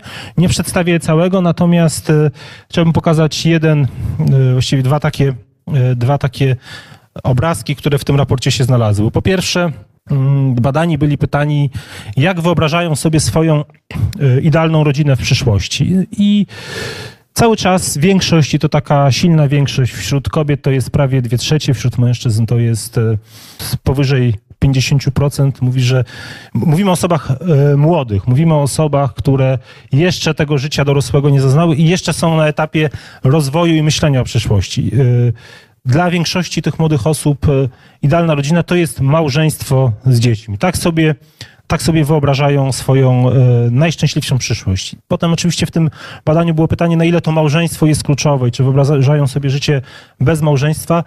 Okazuje się, że tak, że spora część tych młodych ludzi chciałaby zawrzeć małżeństwo, ale dopuszcza też, e, dopuszcza też inne opcje. Nie jest tak, że to małżeństwo jest jedyną, jedynym możliwym wyborem, ale jednak jest aspiracją i jednak jest tym, co wydaje się młodym ludziom, że przyniesie im szczęście i chcieliby to chcieliby taką sytuację osiągnąć. E, Na kolejnych, e, na kolejnych miejscach mamy małżeństwo bez dzieci, ale mamy też nieformalny związek e, z dziećmi. Czy jakby ten obraz szczęśliwej rodziny, czy to jest rodzina, że tak powiem, sformalizowana, czy to jest związek nieformalny, to z punktu widzenia osiemnastolatki to jeszcze nie jest aż tak istotne, bo no, no bo ta przyszłość jest bardzo odległa. Jeśli ktoś ma 18 lat i myślenie o tym, co będzie za 10 lat i czy to będzie e, związek małżeński taki czy inny, to jest jednak jakoś tam mocno abstrakcyjne, ale dla większości młodych ludzi jednak e, tym idealnym sposobem na życie jest e, bycie, bycie w parze, w większości w związku małżeńskim i posiadanie dzieci i bycie rodzicą. Tak, wygląda, e, tak wyglądają te aspiracje. Częściej kobiety niż mężczyźni tak sobie to wyobrażają. Z jednej strony wydaje się to oczywiste, z drugiej strony e, dużo doniesień medialnych e, i takiej wiedzy, którą dostajemy, jakoś tam zasiało wątpliwość, myślę, to, to, to przekonanie, bo coraz częściej mówi się o tym, że to kobiety nie chcą związku małżeńskiego, że to kobiety nie chcą zakładać rodziny. Okazuje się, że jednak e, młode dziewczyny nawet częściej niż ich rówieśnicy chcą tą rodzinę założyć. Druga rzecz, która jest w tym raporcie, to było pytanie o to, jeśli ile dzieci chciała, chciałaby pani, chciałby pan mieć e, w przyszłości. Wyniki były podobne do tych, te, te wyniki odnośnie tego, ile dzieci chciały mieć, były podobne do tych, które pokazywałem z Cebosu. Trochę tutaj te intencje były e, mniejsze, też grupa badana była, była młodsza niż e, ta grupa badana w Cebosie.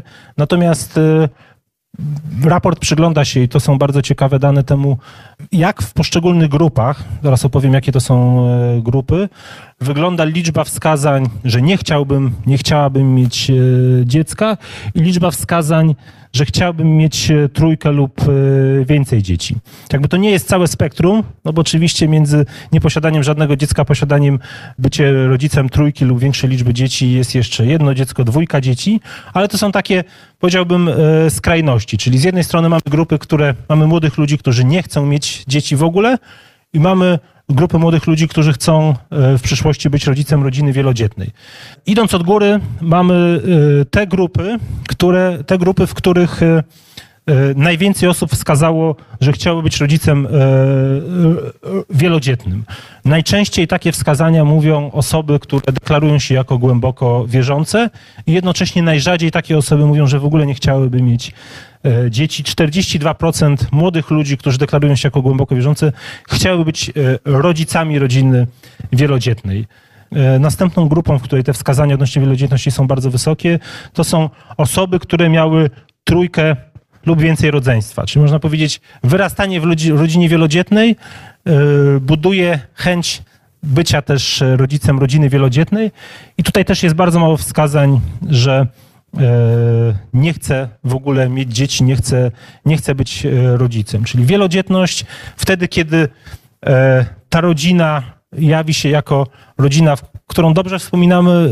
y, Młodzi ludzie chcą ten model w swoim życiu powielić. Kolejne miejsce to jest, było pytanie o to, jak wyglądała rodzina, w której się wychowywałeś, wychowywałaś e, w wieku nastoletnim, w tej chwili nie pamiętam ile lat, czy jak, jaki był wzorzec rodziny wyniesiony z domu. Dobry wzorzec rodziny, pozytywny, pozytywna pamięć o swoich rodzicach, o swojej rodzinie powoduje, że ci młodzi ludzie chcą mieć e, rodzinę wielodzietną i rzadko nie chcą mieć dzieci. Na kolejnych miejscach jest dwoje rodzeństwa, małe miasto, ale tu już te różnice nie są takie duże. Ale jeżeli spojrzymy sobie teraz na dół, czyli które grupy najrzadziej chcą być rodzicami wielodzietnymi, a najczęściej nie chcą mieć dzieci, to mamy osoby zdecydowanie niewierzące. Tutaj 40% mówi, że nie chce mieć dzieci. Z tych y, około 20 średnio w całej grupie młodych ludzi to jest około 20%. W przypadku tych osób, które mówią, są, jestem zdecydowanie niewierzący, niewierząca, to jest y, 40%. Raczej niewierząca, osoby wychowujące się w dużym, y, y, w dużym mieście, osoby, które nie mają rodzeństwa lub mają jednego brata lub siostrę, je- je- jedną osobę z rodzeństwa, czyli wychowały się w rodzinie, gdzie byli jedynakami albo była dwójka dzieci. Czyli takimi, z, tego badania wynika, że głównymi determinantami tego, czy młodzi ludzie chcą założyć rodzinę, jak sobie tą rodzinę wyobrażają, jest siła wiary religijnej, są wzorce rodzinne, czyli po pierwsze to, jak postrzegają swoją rodzinę pochodzenia, a po drugie, czy mieli rodzeństwo. I trzecia, i to właściwie są te najważniejsze, są te najważniejsze determinanty. Można powiedzieć, to jak wychowujemy własne dzieci, jeśli, jeśli jesteśmy rodzicami, mamy rodzinę, to jest główna determinanta tego, czy te nasze dzieci będą chciały mieć swoją rodzinę, swoje dzieci, czy nie. Nie jest to żadna nowość. Yy, Psychologowie, pedagodzy od wielu lat powtarzają, że najważniejszym elementem wychowania jest po prostu przykład i tutaj yy, na przykładzie tych aspiracji rodzinnych też to widzimy. Drugim badaniem, do którego chciałbym sięgnąć jest też niedawno wydany raport yy, Instytutu Profilaktyki Zintegrowanej Jak wspierać młodzież w niestabilnym świecie. To były badania młodych ludzi pod kątem różnego rodzaju zagrożeń uzależnieniami, różnego rodzaju e, chorób, depresji i tak dalej. Natomiast było tam też pytanie o to, jak sobie wyobrażasz swoją przyszłą rodzinę. E, Tutaj badane są osoby e, w wieku 12-16 lat, więc pytanie dwunastolatka, ile chciałby mieć dzieci, no jest to oczywiście absurdalne, przy 16-latku też w zasadzie to nie ma sensu, ale było pytanie o to, co jest e, twoim celem życiowym i tam e, pojawiała się też, e, no, były różne cele, była rodzina. Ta rodzina bardzo e, często była wskazywana jako najważniejszy cel życiowy. No myślę, że w przypadku 16-latków można już o to pytać i ma to jakiś, ma to jakiś sens. I tutaj pojawiła się bardzo ciekawe, bardzo ciekawe stwierdzenie, ja tu cytuję fragment tego raportu. Otóż okazuje się, że to, czy młodzi ludzie chcą założyć szczęśliwą rodzinę, czy chcieliby mieć e, e, więcej dzieci niż, e, niż jedno i czy dla nich jest to ważne, w dużej mierze zależy od poziomu zakorzenienia lokalnego. Badanie nie było robione na ogólnopolskiej próbie, tylko skupiało się głównie w Polsce zachodniej, natomiast było na kilkudziesięciotysięcznej próbie, więc nie jest to, nie jest to mała grupa. I młodzi ludzie, którzy czuli związek z lokalną e, społecznością, czuli się dobrze w miejscu, byli dumni z miejsca, w którym e, mieszkają, z których pochodzi rodzina. W swoich planach zakładali, że chcieliby zostać w tym miejscu, jeżeli oczywiście będą warunki do życia dobre, spełnione. Nie planują wyjazdu za granicę albo traktują go jako ostateczność. To są osoby, które w swojej hierarchii ważności rodzinę stawiają dużo wyżej. Był jeszcze taki jeden czynnik, może nawet dwa czynniki. Po pierwsze, to co, o czym już mówiłem przy okazji raportu poprzedniego, czyli własne doświadczenie szczęśliwego, e, szczęśliwych rodziców, szczęśliwej rodziny, to był ten element, który w istotny sposób wpływał na ważność rodziny w hierarchii wartości, ale była też grupa osób, które sama nie miała doświadczenia szczęśliwej rodziny, natomiast gdzieś w jej najbliższym otoczeniu były szczęśliwe rodziny, przynajmniej jedna. To mogli być sąsiedzi, to mogło być wujek, ciocia, ale też były przypadki, gdzie był to nauczyciel, który był wzorem.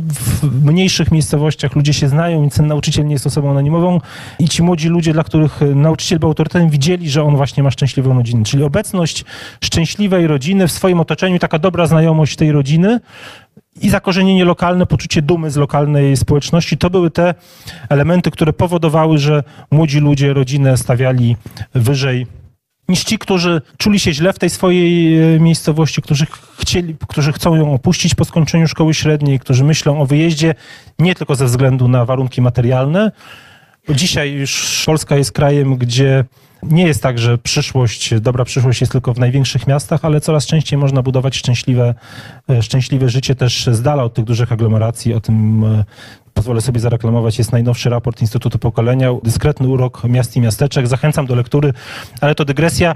Natomiast te osoby, które pomimo tego, że mamy dzisiaj już taką sytuację, że można w tej swojej e, miejscu pochodzenia żyć godnie, myślą o tym, żeby wyjechać z powodów nieekonomicznych, to są osoby, które mają niższe aspiracje, aspiracje rodzinne. Zatem nie tylko budując swoją szczęśliwą rodzinę, ale też y, budując silne lokalne społeczności, które są dumne z tego, kim są, to też jest sposób na budowanie aspiracji rodzinnych młodych ludzi. Trzecia rzecz, którą chcie, czy trzeci e, raport, o którym chciałem powiedzieć, nie raport, bo to, co za chwilę pokażę, to są bardzo świeże wyniki badania jakościowego przeprowadzonego przez Instytut Pokolenia. To jest jeszcze nie, to jest jeszcze nie opublikowane. Jesteście Państwo pierwszą grupą, która widzi te wyniki. Sam jeszcze nie wszystkie dokładnie przeczytałem, bo bo to jest kwestia ostatnich e, kilku dni. Realizujemy teraz badania ilościowe na podstawie tych, tych danych. Za mniej więcej półtora miesiąca będziemy mieli pełny raport, ale wiele ciekawych rzeczy na temat tego, jak młodzi ludzie postrzegają rodziny. To były wywiady pogłębione, to były też takie badania, gdzie analizowane były fora internetowe, gdzie były analizowane też e, pewne sposoby komunikacji młodych ludzi między sobą, więc jest to rzeczywiście taka e, wiedza, która pokazuje, jak młodzi ludzie naprawdę e, żyją, co naprawdę, co naprawdę myślą. Jest to dużo głębsze niż takie odpowiedzi w sondażu, tak, chcę mieć dzieci albo nie, e, nie chcę mieć dzieci. Kilka takich, stwierdzeń chciałbym Państwu pokazać. One są dla mnie też w niektórych momentach mocno zaskakujące. Być może przy okazji panelu będzie można o tym porozmawiać. Może ktoś obali te stwierdzenia albo pokaże, że one rzeczywiście mają sens. Pierwsza rzecz, którą e, chciałbym pokazać, to młodzi ludzie deklarują, że chcą założyć rodzinę. I to jest w zasadzie w tej naszej grupie kilkudziesięciu osób, która była przebadana, nie zdarzył się taki młody człowiek, który powiedział, nie chcę założyć rodziny. Ale młodzi ludzie traktują tą rodzinę jak taki projekt, który mają do zrealizowania. Dzisiaj młodzi ludzie bardzo mocno myślą zadaniami. Jest bardzo mało miejsca w życiu młodych ludzi na spontaniczność, bardzo mało miejsca na podejmowanie ryzyka. Wszystko musi być zaplanowane i dopiero wtedy, kiedy zostanie ukończony e, poprzedni etap, można przejść do następnego. I tak też myślą o rodzinie. Czyli myślą sobie tak, ja chcę założyć rodzinę, ale najpierw muszę się ogarnąć, czyli w jakiś sposób e, wiedzieć, co chcę robić, kim chcę być, e, gdzie chcę pracować i tak dalej, i tak dalej. E, po drugie, muszę skupić się na karierze. E, takim e, bardzo często powtarzanym motywem wśród młodych ludzi, myślę, że to jest rzecz, której nie było 10 czy 20 lat temu, jest takie poczucie, że oni nie chcą pracować całe życie. Bardzo wielu młodych ludzi zakłada, że ja w tej chwili przez 5-10 lat skupię się na zarabianiu pieniędzy, wymyślę coś takiego, co spowoduje, że do końca życia nie będę mógł pracować i wtedy zajmę się rodziną. Trochę jest takie myślenie. Być może przykład y, youtuberów, influencerów, instagramerów i różnych y, tego typu neologizmów dla tych młodych ludzi y, pokazuje, że jest to możliwe. Są osoby, które w wieku dwudziestu kilku lat stały się gwiazdą internetu i zarobiły takie pieniądze, które dla młodych ludzi są poza zasięgiem. Bardzo wiele młodych ludzi właśnie ma takie aspiracje i wyobraża sobie, że oni też kimś takim będą. I to jest trochę takie poczucie, jak teraz się chcę skupić na karierze, jak już osiągnę taki poziom, że w zasadzie będzie mnie stać na rodzinę, to wtedy tą rodzinę założę, ale oczywiście ją założę. Kolejnym elementem jest chcę skorzystać z życia. Czyli teraz jest czas na to, żeby skorzystać z życia, bo jak założę rodzinę, to już nie będę mógł korzystać z życia. I oczywiście na kolejnym etapie jest, e, muszę znaleźć e, odpowiednią osobę, z którą chcę tą rodzinę założyć. Tutaj jest kilka cytatów, nie będę ich wszystkich czytał, ale ale zacytuję kawałki. Po skończeniu szkoły to nawet nie wiem, czy pójdę na studia, czy dostosuję się gdziekolwiek. Ja już nic nie wiem, więc nie widzę jak na razie dzieci, poza tym przy tym, jaką osobą jestem. Czyli chcę, ale na razie to oczywiście jest, e, jest niemożliwe. Łatwo jest zostać rodzicem, ale dobrym rodzicem to jest, y, to jest sztuka. Jakby chcą, chcą założyć rodzinę, chcą być rodzicami, ale chcą być dobrymi rodzicami. Za teraz za chwilę jeszcze więcej na ten temat. Gdzieś tam w tych y, deklaracjach, tutaj byli badani Tutaj byli badani w wieku 17-18, najstarsze osoby miały chyba 23 lata. Ten taki wiek, kiedy chcieliby zostać rodzicami, jest w okolicach 28-29 roku życia. Z ich perspektywy to jest jeszcze epoka, bo to jest za 8, za 10 lat. Więc wydaje mi się, że to wszystko zdążą zrobić do tego czasu. Natomiast no, nie chcą też, e, nie myślą o tym, żeby być rodzicami w wieku 40 lat, co często wśród 30-parolatek, parolatków się zdarza, takie stwierdzenie. No i to skorzystanie z życia. Czyli młodzi ludzie mówią, no tak, ja chcę wyjechać w podróż dookoła świata, chcę poimprezować, poznać ten świat, mając e, żonę, czy będąc w tym związku jest to niemożliwe, mając dzieci tym bardziej jest to niemożliwe, więc najpierw to zrobię, a potem się ustatkuję i założę rodzinę. Niektórzy mówią, że to będzie za 3-4 lata i te, te plany są takie bardzo konkretne. Oni mówią, teraz dwa lata muszę zacząć pracować, osiągnąć sukces, potem na rok biorę urlop, wyjeżdżam w podróż dookoła świata, potem wracam, znajduję partnerkę i za dwa lata mam dzieci. Takie wypowiedzi są. To jest, to jest bardzo poukładane. Czy to jest realne, to jest inna sprawa. Kolejna taka istotna rzecz, która z tych badań, którą z tych badań mocno widać, to jest bardzo często młodzi ludzie chcieliby być innymi rodzicami, mieć inną rodzinę niż e, swoi rodzice. Chociaż generalnie dobrze się wypowiadają o swoich rodzicach. Nie ma takiego buntu pokoleniowego, jaki był nie wiem, 20 czy 30 lat temu. Oni mówią, że mają dobre relacje ze swoimi rodzicami, szczególnie z mamą, ale mają wrażenie, że w e, małżeństwie ich rodziców, że w tej rodzinie, w, tej relacji rodzicielskiej coś było nie tak. Najczęściej mówią o, o tym, że rodzice się nie rozumieli, że i, I, nie mówię tutaj o małżeństwach, które się rozpadły, ale też o małżeństwach istniejących. Bardzo często jest to powiedzieć, że e, żyją razem, ale tak naprawdę się nie lubią, że żyją razem, ale nie mają wspólnych zainteresowań, nie robią nic razem i poza przelewami i kątem niewiele ich, e, niewiele ich łączy. I to jest to, co czego młodzi ludzie nie chcą, e, nie chcą powielać. Oprócz tego kobiety bardzo często mówią o tym, że nie wyobrażają sobie rodziny, w której podział ról jest nierówny. To jest, e, to jest bardzo częste i powszechne. Czyli jeśli założę rodzinę, to nie będzie tak jak w moim domu, że wszystko w domu robiła mama, a tata nic nie robił. Mówię w tej chwili językiem młodych ludzi, tylko nasze, nasze małżeństwo, nasz związek będzie tak, takim związkiem partnerskim w takim rozumieniu, że, że wszyscy wszystko razem robimy. I są też przykłady tych młodych ludzi w wieku około 19-20 lat, gdzie opowiadają, że już dziewczyny opowiadają, że jak spotykam się dzisiaj z chłopakiem, on przychodzi do mnie, ja mówię, może jesteś głodny zrobić coś do jedzenia, to on przychodzi i robimy to razem. To są takie opowieści i tak sobie to wyobrażają i jednocześnie spora część wciela to w życie. Jeśli chodzi o ojców, i o tym mówią najczęściej chłopcy, to bardzo powszechny jest taki obraz ojca nieobecnego. Ojca, którego nie ma w domu, a nawet jeśli jest, to jest nieobecny emocjonalnie. I to jest też taki obszar, w którym, którego nie chcą młodzi ludzie powielać. Pojawia się też wiele historii. W tej naszej kilkudziesięcioosobowej próbie było takich historii bodajże około dziesięciu. Ojca który nadużywał alkoholu, ojca, który stosował przemoc. To jest niestety jeszcze, wydaje się i dane pokazują, że takich sytuacji jest coraz mniej, ale jednak e, w tym pokoleniu dzisiejszych dwudziestolatków oni mają doświadczenia tego typu zachowań i absolutnie tego nie chcą powielać. Inna sprawa, to psychologowie mogą powiedzieć, że często te wzorce są powielane, ale jest bardzo silna chęć, aby takiego wzorca nie, nie powielić. Czyli rodzina, e, małżeństwo ma być partnerskie, gdzie się równo dzielimy obowiązkami. Oczywiście osoby, które żyją trochę dłużej, wiedzą, że taki idealnie równy podział obowiązków nie jest możliwy w praktyce, a na pewno jest nieoptymalny, ale tak wyglądają marzenia młodych ludzi.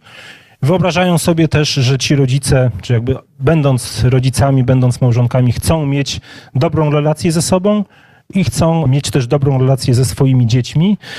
Mówią o tym, że z mamami mają dobrą relację mogą powiedzieć o wszystkim, mamy ich rozumieją, natomiast ojcowie nie rozumieją. To tylko potwierdza taką hipotezę, którą w Instytucie Pokolenia do jakiegoś czasu powtarzamy, że wszystkie badania demograficzne, wszystkie analizy związane z demografią skupiają się na kobietach. Mało się mówi o mężczyznach, a to w mężczyznach jest klucz do rozwiązania problemów demograficznych y, dzisiejszej Polski. Mama jest traktowana jako przyjaciółka, ciepła, akceptująca, ojciec jest bardziej nieobecny. Jeśli już mają gorsze relacje z rodzicami, to to wynika z nadmiernej presji na naukę. Bardzo często się pojawia to, że rodzice chcą, żebyśmy się cały czas uczyli, a my już tego nie chcemy, jesteśmy zmęczeni. Nadmierna kontrola, no to myślę, że nie jest nic nowego. Zawsze młodzież narzekała, że rodzice za bardzo kontrolują. Nieobecność. To się pojawia często, że tych rodziców w ich życiu nie było. Mówimy o pokoleniu dzisiejszych 50-latków, czyli pokolenia chyba najbardziej zapracowanego w, w historii Polski, gdzie było rzeczywiście bardzo duże nastawienie na karierę. Pojawia się ta przemoc, alkohol, przekładania swoich problemów na dzieci. Często jest to związane z rozpadem małżeństwa i tutaj wiele jest takich głosów, że w czasie kiedy małżeństwo, kiedy trwały sprawy rozwodowe, no to rodzice traktowali nas jako pionki w swojej grze. I to się bardzo często przewija tam, gdzie rzeczywiście mieliśmy do czynienia z rozwodem. Podsumowując, Polacy, też młodzi Polacy chcą założyć rodzinę, mają aspiracje rodzicielskie, chcą być rodzicami. Te aspiracje są trochę mniejsze niż wśród osób starszych o 10 czy 15 lat, ale cały czas y, są na poziomie całkiem wysokim. Na to, czy młodzi ludzie jak sobie wyobrażają tą swoją przyszłą rodzinę, czy chcą mieć więcej dzieci, czy mniej, czy w ogóle nie chcą mieć, e, wpływają przede wszystkim takie czynniki jak e, doświadczenie własnego, własnej rodziny, rodzice, rodzeństwo, poziom religijności i poziom zakorzenienia w lokalnej społeczności. To są te trzy najważniejsze elementy, plus jeszcze obserwowanie w swoim otoczeniu szczęśliwych rodzin. Czyli jeśli ktoś nie miał sam szczęścia dorastać w szczęśliwej rodzinie, to jeśli w otoczeniu miał szczęśliwą rodzinę, czy kilka szczęśliwych rodzin, to może to zastąpić brak tej rodziny u siebie. Młodzi ludzie, to pokolenie nieakceptujące ryzyka, wszystko musi być zaplanowane. Rodzina to jest projekt, gdzie musimy po prostu przejść kolejne etapy. Jak skończymy jeden, to przechodzimy do następnego. Mają przekonanie, że to im się uda, nie mają co do tego wątpliwości i myśląc o swojej przyszłości, swojej rodzinie, stawiają na partnerstwo, zrozumienie, wspólne pasje, zainteresowania i szczęśliwe życie. Rodzina w, w postrzeganiu młodych ludzi jest receptą na szczęście, ale jeśli ta rodzina będzie taka, jak sobie wyobrażają, nie każda rodzina jest receptą na szczęście. Rodzina, którą młodzi ludzie mają w głowie, jest ich w ich wyobrażeniu właśnie tym, co im zapewni szczęście. Dziękuję bardzo za uwagę. Zapraszam do śledzenia publikacji Instytutu Pokolenia na naszej stronie, na naszych serwisach społecznościowych. Wiele ciekawych informacji, o których tutaj wspomniałem tylko hasłowo, można też tam e, przeczytać. Powiedział pan, że to w facetach tkwi klucz do dzietności. Jedno zdanie, które pan użył na końcu. Czy mógłby pan trochę rozwinąć to zdanie? Bo ja się z tym całkowicie zgadzam i kwestia ról facetów, które są właściwie, no faceci są tępieni, mam wrażenie. Kiedy mówimy o dzietności, o problemach demograficznych, mówimy, zresztą takie były te nagłówki, kobiety w Polsce nie chcą mieć dzieci.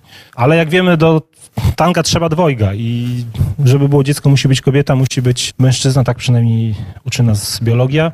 Kobiety chcą mieć dzieci, mężczyźni chcą mieć dzieci, ale kobiety chcą mieć dzieci, jeśli znajdą mężczyznę, który będzie e, gwarantował im bezpieczeństwo, Faceci, mężczyźni chcą mieć dzieci, jeśli znajdą kobietę, która będzie chciała, żeby zapewnili im bezpieczeństwo i której będą, będą czuli, że mogą zaufać. Potrzebne są dwie strony. Skupiając się tylko na aspiracjach kobiet, nie dostrzegając aspiracji mężczyzn, nie obejmujemy tym naszym, tym naszym oglądem bardzo ważnej, bardzo ważnej kwestii, czyli tej relacji, do której musi być kobieta, ale musi być też mężczyzna, który jest, który jest odpowiedzialny czy ogarnięty, jak to, jak to mówią młodzi ludzie. To miałem na myśli. To było wystąpienie Michała Kota, dyrektora Instytutu Pokolenia, a teraz już Marek Grabowski i Fundacja Mamy i Taty. Temat niezmiennie rodzina. Może zaczniemy od czegoś, co jest e, pewnie tutaj dla większości z nas oczywistością, natomiast to już nie do końca jest oczywistość. E, dla wszystkich, w tym też dla młodego pokolenia. Między wierszami można było wyczytać z tego, co mówił pan dyrektor Michał Kot. Patrząc na to, jak spoglądają na rodzinę chociażby socjolodzy, zauważają, że faktycznie rodzina opiera się na takich trzech e, filarach. Z jednej strony jest to najstarsza forma życia społecznego, ta forma podstawowa, e, która występowała zanim jeszcze e, były formy państwowości, czy e, klanowości, czy plemienności. Ona jest tą formą taką najbliższą nam. Oczywiście rodziny antropologicznie różnie są definiowane. Obecnie mamy te rodziny zatomizowane, małe, są rodziny tradycyjne, ale gdy przyjrzymy się również społeczeństwom plemiennym, e, no to często te rodziny mają bardzo jednak szeroki charakter, wręcz taki klanowy. Z tego też wynika chociażby cały szereg przepisów i tabu związanych z kazirodztwem, e, z doborem partnerów i też z naturalnym, przynajmniej wśród społeczeństw plemiennych, naturalnych i tradycyjnych, naturalnym dążeniem do tego, żeby ta demografia, nie wiem czy takie słownictwo jest używane tam, ale żeby ta demografia wzrastała. Czyli generalnie e, tradycyjne struktury społeczne dążyły do tego, żeby e, po prostu przybywało nas, tak? żeby była nas odpowiednia e, liczba, ponieważ ta liczba e, determinuje w pewien sposób rozwój danej mm, społeczności. Tak? Wiemy, że zdarzają się różne rzeczy. Sami, sami jesteśmy świadkami w ostatnich latach pandemii, wojny, co jest też czynnikiem, który osłabia demografię, który tą demografię, który rzeczywiście tą populację w dużej mierze jakiś no, wycina, tak, tak już mówiąc kolokwialnie i wprost. Stąd też dążenie do, dążenie do przyrostu jest taką pierwotną, pierwotną no, naturą społeczną. E, Jest to też e, struktura, w której najdłużej funkcjonujemy, ponieważ e, jesteśmy członkami rodziny. Możemy zmieniać kraje, możemy zmieniać, czasami nie zmieniamy terytorium, ale zmienia się administracja, różne rzeczy dookoła się zmieniają, natomiast w jakiejś rodzinie się urodziliśmy, jakąś rodzinę tworzymy i to właśnie w tej rodzinie najdłużej de facto funkcjonujemy i trochę tak jak gdy pojawiają się problemy, gdy następuje rozwód, no to pojawiają się również traumy, kryzysy, czyli gdzieś ta nasza pierwotna potrzeba bezpieczeństwa, którą rodzina nam daje, po prostu zanika. W związku z tym rodzina jest podstawą istnienia społeczeństwa. E, Chcę, żeby to wybrzmiało, dlatego że w kontekście rozmaitych nowych e, trendów kwestionuje się tą rolę rodziny, sprowadzając życie ludzkie do formuły takiej skra- skrajnie indywidualistycznej, e, skrajnie liberalnej, w której właśnie rodzina jest e, niepotrzebna, a to, co e, ma nas e, kształtować, to są nasze popędy, nasza konsumpcja czy potrzeba przyjemności. Natomiast jest to niepełny obraz, by nie powiedzieć obraz fałszywy. Przemiany w strukturze rodziny e, są naturalne, są dosyć e, złożone. One wynikają, one wynikają z jednej strony z przemian cywilizacyjnych, ale również z przemian kulturowych. Obecnie najpopularniejszy model funkcjonowania związku, no to właśnie jest powiedzmy związek e, z jednym dzieckiem, tak? Związek nawet niekoniecznie małżeński, konkubinat z jednym dzieckiem, z dwójką dzieci. Natomiast nie zawsze tak było i nadal, chociażby w Polsce, mamy rodziny wielopokoleniowe, które oczywiście mają pewne swoje zalety, mają też, e, borykają się też ze swoimi pewnymi problemami. Natomiast niewątpliwie od czasów rewolucji przemysłowej, a później przyspieszenia związanego z rewolucją marksistowską, z rewolucją neomarksistowską, rewolucją roku 68, są przeobrażenia w małżeństwie, są przeobrażenia e, w rodzinie, następuje osłabienie więzi społecznych, społecznego e, zaufania, właśnie przejście od tego e, formuły wspólnotowej do indywidualnej. Zmiany kulturowe, prądy, ideologie, tożsamość ponowoczesna wpływa na to, jak funkcjonujemy, jak żyjemy jak wyobrażamy sobie życie rodzinne. Niewątpliwie też te negatywne doświadczenia własne z życia rodzinnego zniechęcają nas do odtwarzania tej struktury, a pozytywne doświadczenia do tego nas zachęcają. No, chociażby takie badania, które były realizowane na zlecenie Ministerstwa Rodziny, bodajże dwa lata temu, wskazują na to, że tam, gdzie, gdzie osoby oceniają swoją sytuację rodzinną, gdy miały lat 12 jako dobrą i pozytywną, tam ta chęć do posiadania dzieci i zakładania trwałego związku jest o wiele wyższa niż gdy dojrzewając mieliśmy życie e, rodzinne, życie naszych rodziców, e, e, traktowaliśmy się źle, odczuwaliśmy, odczuwaliśmy jakieś problemy, czy, e, czy, czy nawet przeżywaliśmy swoiste traumy. Słuchajcie, tutaj oczywiście spojrzymy sobie na dane, które w jakiś sposób niepokoją, ale też spojrzymy sobie na te dane, które, e, które napawają jakimś optymizmem. E, Pomimo tych przemian kulturowych, przemian polityczno-społecznych, nadal rodzina jest uważana przez przeciętnego Polaka jako podstawa, jako ostoja, jako ta podstawa bezpieczeństwa. W jakiejś mierze też okres pandemii pokazał nam, że faktycznie tam, gdzie te rodziny funkcjonują w miarę dobrze, tam e, przejście przez pandemię było łatwiejsze, prostsze, tam czuliśmy się lepiej i te rodziny się wzmocniły. Tam, gdzie rodziny miały problemy, bardzo często jednak pandemia jeszcze te problemy nasilała i, no i wtedy, i wtedy też pojawiało się multum rozmaitych depresji, kryzysów, bo już nawet ta ostatnia ostoja, jaką jest rodzina, y, zaczynała się sypać. E, Na potwierdzenie są chociażby badania z mm, Instytutu Badawczego ARC Rynek i Opinia z 2022 roku, czy globalne badania Ipsosa, których, z których okazuje się, że 90% Polaków deklaruje największą satysfakcję życiową. Właśnie e, z życia rodzinnego, ze swoich dzieci, nieco mniej, no może trochę szkoda, e, że bardziej jesteśmy zapatrzeni na dzieci niż męża lub żonę, ale nieco mniej, ale nadal wysoko, bo blisko 80% właśnie z tego życiowego partnera. Więc jest to sfera ważna, jest to sfera, o którą chcemy dbać. Myślę, że stąd też duża popularność rozmaitych e, publikacji, kursów z zakresu work-life balance. Też polecam, mm, polecam nasze publikacje, które są dostępne, też dotyczą obszaru work-life balance. Można zobaczyć, czy czegoś w naszym życiu, w tej harmonii życia zawodowego i osobistego e, i zawodowego nie poprawić. Patrząc na typologię rodzin w Polsce pomiędzy 2011 rokiem a 2021 rokiem, no nie da się nie zauważyć dużego w ogóle spadku liczby rodzin z blisko 11 milionów do 10 milionów e, 150-160 tysięcy. W tym Musimy zauważyć znaczną, znaczny spadek liczby małżeństw, bo z 8 milionów 150 tysięcy na 7 milionów e, 300.